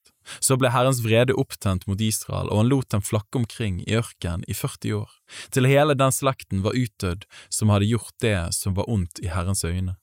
Og nå trer dere i deres fedres spor, etterkommere av syndige menn, for enda mer å øke Herrens brennende vrede mot Israel. For dersom dere vender dere bort og ikke vil følge ham, da vil han la Israel bli enda lenger i ørkenen, og dere vil føre ulykke over hele folket. Da gikk de fram til ham og sa, Vi vil bare bygge innhegninger her for fe og byer for våre kvinner og barn, men selv vil vi skynde oss å dra fram foran Israels barn til vi har ført dem dit de skal. Men våre kvinner og barn skal bli i befestede byer, så de kan være trygge for landets innbyggere. Vi vil ikke vende tilbake til våre hus før Israels barn har fått hver sin arv for vi vil ikke ta arv med dem på den andre siden av Jordan og lenger borte, når vi har fått vår arv på denne siden, østafor Jordan. Da sa Moses til dem, Dersom dere gjør dette, så dere væpner dere for Herrens åsyn til krigen, og alle deres væpnede menn drar over Jordan for Herrens åsyn, til han har drevet sine fiender bort fra sine øyne, og dere ikke vender tilbake før landet er undertvunget for Herrens åsyn, så skal dere være uten skyld, både for Herren og for Israel, og dere skal ha landet her til eiendom for Herrens åsyn. Men dersom dere ikke gjør dette, da synder dere mot Herren, og dere skal vite at deres synd skal finne dere. Bygg dere da byer for deres kvinner og barn, og innhegninger for småfe, og gjør som dere har lovt. Da sa Gads barn og Rubens barn til Moses, Dine tjenere skal gjøre som du, Herre, har befalt. Våre barn, våre koner, vårt fe og alle våre husdyr skal bli her i Gileads byer. Men dine tjenere, så mange av oss som er væpnet til strid, vil dra over Jordan for Herrens åsyn og være med i krigen slik som du, Herre, sier. Og Moses ga befaling om dem til Elieser presten og til Josva, Nuns sønn, og til overhodene for familiene i Israels barns stammer. Moses sa til dem, Dersom Gads barn og Rubens barn, så mange av dem som er væpnet, drar med dere over Jordan til krigen for Herrens åsyn, og dere legger landet under dere, da skal dere gi dem Gileads land til eiendom. Men dersom de ikke drar væpnet over med dere, da skal de få sin eiendom i Kanans land sammen med dere andre. Og Gads barn og Rubens barn svarte og sa, Det som Herren har sagt til dine tjenere, det vil vi gjøre. Vi vil dra væpnet over til Kanans land for Herrens åsyn. Men vår arvelodd skal være på denne siden av Jordan. Så lot Moses, Gads barn og Rubens barn og halvdel av Manassas, Josefs sønns stamme, få de riker som Sihon, amorittenes konge, og, og kongen i Basan hadde eid. De fikk hele landet med byer og omliggende marker, alle byene i landet rundt omkring. Gads barn bygde opp igjen Dibon og Atarot og Aroer, og Atrot, Sofan og Yaser og Jogbeha og Bet Nimra og Bet Haran, befestede byer og innhegninger for fe. Rubens barn bygde opp igjen Heshbon og Elale og Kiryatayim og Nebo og Baal Meon, navnet ble forandret, og Sibma. De satte navn på de byene som de hadde bygd opp igjen. Og Makirs, Manasses sønns barn, dro til Gilead og inntok det, og de drev bort de amorittene som bodde der. Moses ga Makir, Manasses sønn, Gilead, og han bodde der. Og Jair, Manasses sønn, dro av sted og inntok deres teltbyer, og han kalte dem Jairs teltbyer. Nobha dro av sted og inntok Kenat med tilhørende småbyer og han kalte det Noba etter sitt eget navn. Kapittel 33 Dette var Israels barns vandringer da de dro ut av landet Egypt, hær for hær, med Moses og Aron som ledere. Etter Herrens befaling skrev Moses opp de stedene som de dro ut fra på sine vandringer. Dette er deres vandringer regnet etter de stedene som de dro ut fra. I den første måneden på den femtende dagen i måneden dro de ut fra Ramses. Dagen etter påske dro Israels barn ut med løftet hånd for alle egypternes øyne, mens egypterne begravde dem som Herren hadde slått i hjel blant dem, alle sine førstefødte. Også over deres guder hadde Herren holdt om. Så dro da Israels barn fra Ramses og slo leir i Sukkot. Og de dro fra Sukkot og slo leir i Etam, som ligger ved grensen til ørken. De dro fra Etam og vendte så om og tok veien til Pi Hakirot, som ligger midt imot Baal Sefon, og de slo leir foran Migdol. De dro fra Hakirot og gikk gjennom havet til ørken. Så dro de tre dagsreiser gjennom Etams ørken og slo leir i Mara. De dro fra Mara og kom til Elim. I Elim var det tolv vannkilder og 70 palmetrær, og der slo de leir. Så dro de fra Elim og slo leir ved Rødehavet, og de dro fra Rødehavet og slo leir i ørken Sin. De dro så fra ørken Sin og slo leir i Dofka, og de dro fra Dofka og slo leir i Alush. Fra Alush dro de og slo leir i Refidim. Der hadde folket ikke vann å drikke.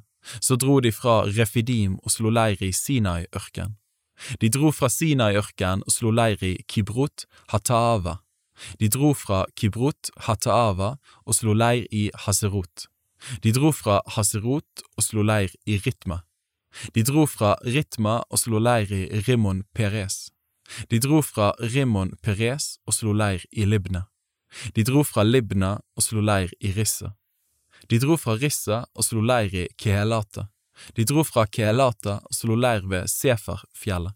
De dro fra Seferfjellet og slo leir ved Harada. De dro fra Harada og slo leir i Makhelot. De dro fra Makhelot og slo leir i Tahat. De dro fra Tahat og slo leir i Tara. De dro fra Tara og slo leir i Mitka. De dro fra Mitka og slo leir i Hasmone. De dro fra Hasmona og slo leir i Moserot. De dro fra Moserot og slo leir i Bene Yakan. De dro fra Bene Yakan og slo leir i Hor Hagidgad. De dro fra Hor Hagidgad og slo leir i Jotbata. De dro fra Jotbata og slo leir i Abrona. De dro fra Abrona og slo leir i Esjon Geber. De dro fra Esjon Geber og slo leir i ørkenen Sin i Kadesh. Og de dro fra Kadesh og slo leir ved fjellet Hor på grensen av Edoms land. Da gikk Aron, presten, etter Herrens befaling opp på fjellet Hor. Der døde han i det førtiende året etter at Israels barn var gått ut fra landet Egypt, i den femte måneden på den første dagen i måneden. Aron var 123 år gammel da han døde på fjellet Hor.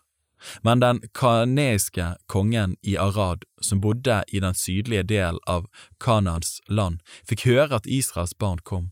Så dro de fra fjellet Hor og slo leir i Salmona, og de dro fra Salmona og slo leir i Punon, og de dro fra Punon og slo leir i Obot. De dro fra Obot og slo leir i Lie ha-abarim ved grensen til Moab. De dro fra Iljim og slo leir i Dibon Gad. De dro fra Dibon Gad og slo leir i Almon Diblatayim. De dro fra Almon did Blatayim og slo leir ved Abarim-fjellet foran Nebo. De dro fra Abarim-fjellet og slo leir på Moabs ødemarker ved Jordan, midt imot Jeriko. Og leiren ved Jordan strakte seg fra Bet Yeshimot til Abel Shittim på Moabs ødemarker. Herren talte til Moses på Moabs ødemarker ved Jordan, midt imot Jeriko, og sa, Tal til Israels barn og si til dem, når dere drar over Jordan inn i Kanaans land, da skal dere drive alle landets innbyggere bort foran dere, og tilintetgjøre alle deres steiner med innhogde bilder. Dere skal tilintetgjøre alle deres støpte bilder og ødelegge alle deres offerhauger. Dere skal ta landet i eie og bo i det, for dere har jeg gitt landet til eiendom. Dere skal skifte landet mellom dere ved loddkastning etter deres etter. Den ett som er stor, skal dere gi en stor arv, og den ett som er liten, skal du gi en liten arv. Enhver skal få sin del, ettersom loddet faller. Etter deres fedres stammer skal dere skifte det mellom dere. Men dersom dere ikke driver landets innbyggere bort foran dere, da skal de som dere lar bli tilbake av dem, bli torner i øynene og brodder i sidene deres, og de skal plage dere i det landet som dere bor i, og det som jeg hadde tenkt å gjøre med dem, det vil jeg da gjøre med dere. Kapittel 34 Herren talte til Moses og sa, Tal til Israels barn og gi dem dette budet.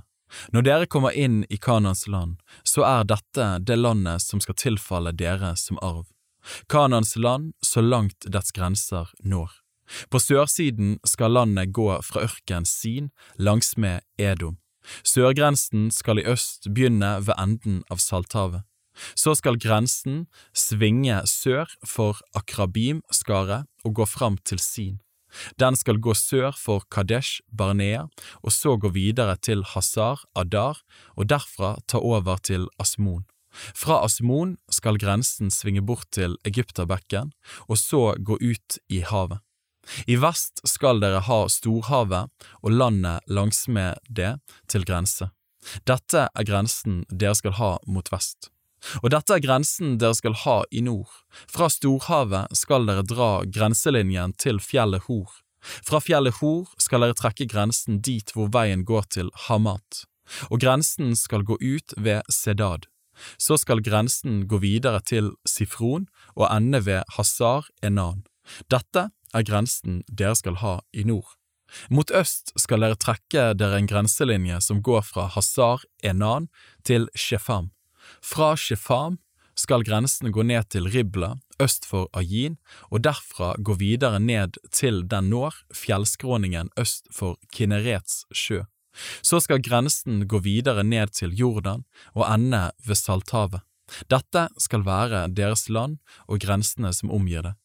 Moses bød Israels barn og sa, Dette er det landet dere skal få til arv ved loddkastning, det som Herren har befalt at de ni stammer og den halve stammen skal få. For Rubens barns stamme med sine familier og Gads barns stamme med sine familier og den halve Manasses stamme har alt fått sin arv, Disse to og en halv stamme har fått sin arv på denne siden av Jordan midt imot Jeriko, mot øst mot solens oppgang. Og Herren talte til Moses og sa, Dette er navnet på de menn som skal skifte ut landet mellom dere, Elieser, presten og Josva, Nuns sønn. Dessuten skal det være en høvding for hver stamme som dere skal velge til å skifte ut landet. Dette er navnet på disse mennene. For Judas stamme, Caleb, Jefunnes sønn. For Simeons barns stamme, Semuel, Amihuds sønn. For Benjamins stamme, Elidad, Kislons sønn. For Dans barns stamme, en høvding, Bukki, Joglis sønn. For Josefs barn, for Manasses barns stamme, en høvding, Haniel, Efods sønn.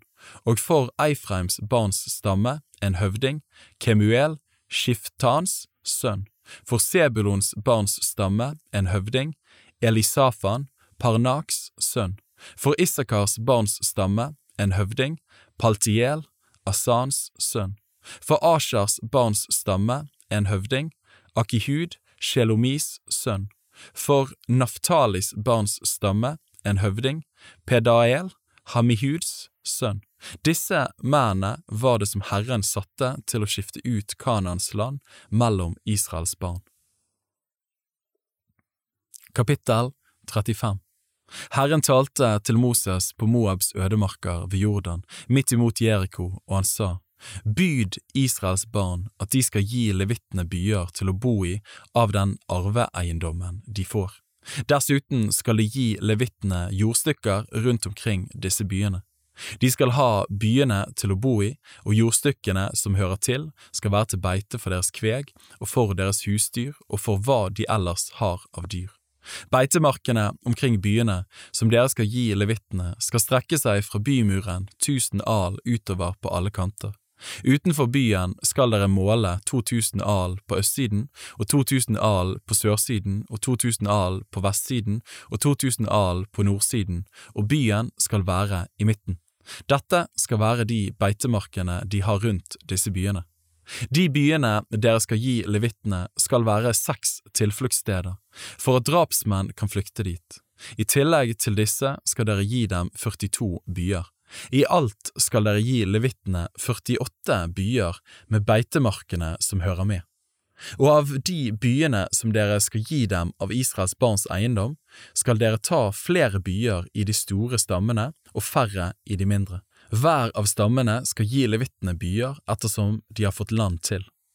Og Herren talte til Moses og sa, Tal til Israels barn og si til dem, når dere er gått over Jordan inn i Kanans land, da skal dere velge ut noen byer som kan være tilfluktssteder for dere, for at en drapsmann som av vannvare slår noen i hjel, kan flykte dit. Disse byene skal dere ha til tilfluktssteder for drapsmannen når han flykter fra blodhevneren, for at han ikke skal dø før han har stått til doms for menigheten. Og de av deres byer som dere skal gi til tilfluktssteder, skal være seks i tallet. Tre av byene skal dere gi på den andre siden av Jordan, og de tre andre byene skal dere gi i Kanans land. De skal være tilfluktssteder, både for Israels barn og for de fremmede og innflytterne som bor blant dere, skal disse seks byene være tilfluktssteder, så hver den som av vannvare slår noen i hjel, kan flykte dit. Den som slår noen med et jernredskap så han dør, han er en drapsmann, og drapsmannen skal dø. Den som tar en stein i sin hånd stor nok til å drepe med og slår noen med den så han dør, han er en drapsmann, og drapsmannen skal dø.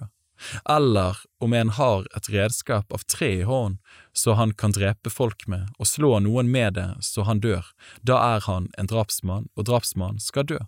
Blodhevneren kan drepe drapsmannen. Når han treffer på ham, kan han drepe han.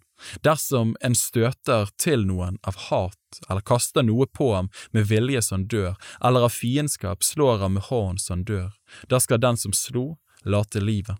Han er en drapsmann. Blodhevneren kan drepe drapsmannen når han treffer på ham.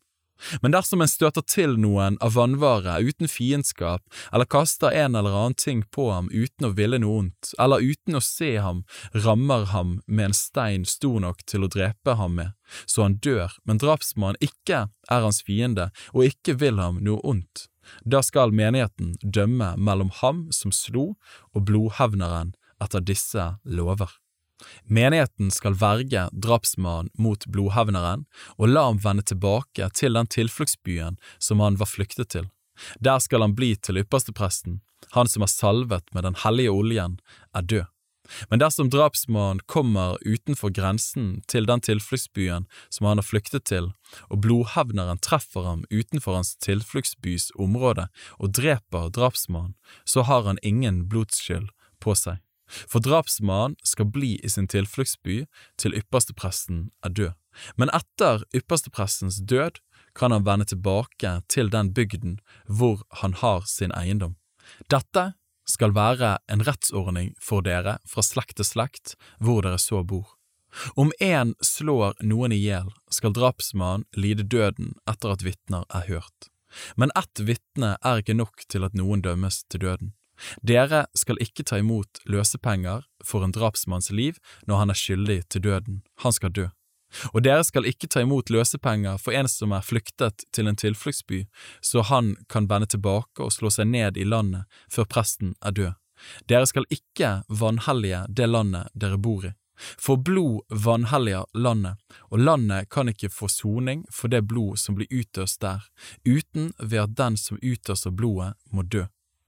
Du skal ikke gjøre landet dere bor i urent, det landet der jeg bor midt iblant dere, for jeg er Herren som bor midt iblant Israels barn.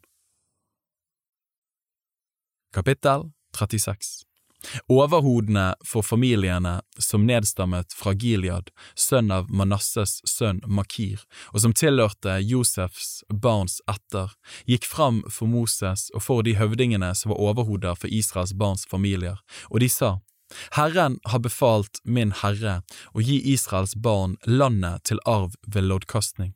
Og min herre har fått befaling av Herren om å gi vår bror Selofads arv til hans døtre. Men blir nå de gift med menn fra Israels barns andre stammer, så går deres arv fra våre fedres arv og legges til den stammens arv som de kommer til å tilhøre. Slik blir vår arvedel mindre. Og når jubelåret kommer for Israels barn, så blir deres arv lagt til den stammens arv som de kommer til å tilhøre, og deres arv går fra vår fedrestammes arv. Da bød Moses Israels barn etter Herrens ord og sa, Josefs barns stamme har rett i det de sier. Slik byr Herren om Selofads døtre. De kan gifte seg med hvem de vil, bare de gifter seg innenfor sin fedres stammesett, for at ikke noen arv hos Israels barn skal gå over fra én stamme til en annen. Israels barn skal holde fast ved hver sin fedres stammesarv. Enhver datter i Israels barns stammer som får arv, skal gifte seg med en mann av sin fedrestammes ett, for at Israels barn kan arve hver sine fedres arv, og for at ingen arv skal gå over fra en stamme til en annen, men Israels barns stammer holder fast hver ved sin arv. Selofads døtre gjorde slik som Herren hadde befalt Moses. Mahala, Tirse, Hogla, Milka og Noah, Selofads døtre, ble gift med sine farbrødres sønner. De ble gift med menn av Manasses, Josefs sønns etter, så deres arv ble hos deres fedreetts stamme. Dette er de bud og lover som Herren ga Israels barn ved Moses på Moabs ødemarker ved Jordan, rett imot Jeriko.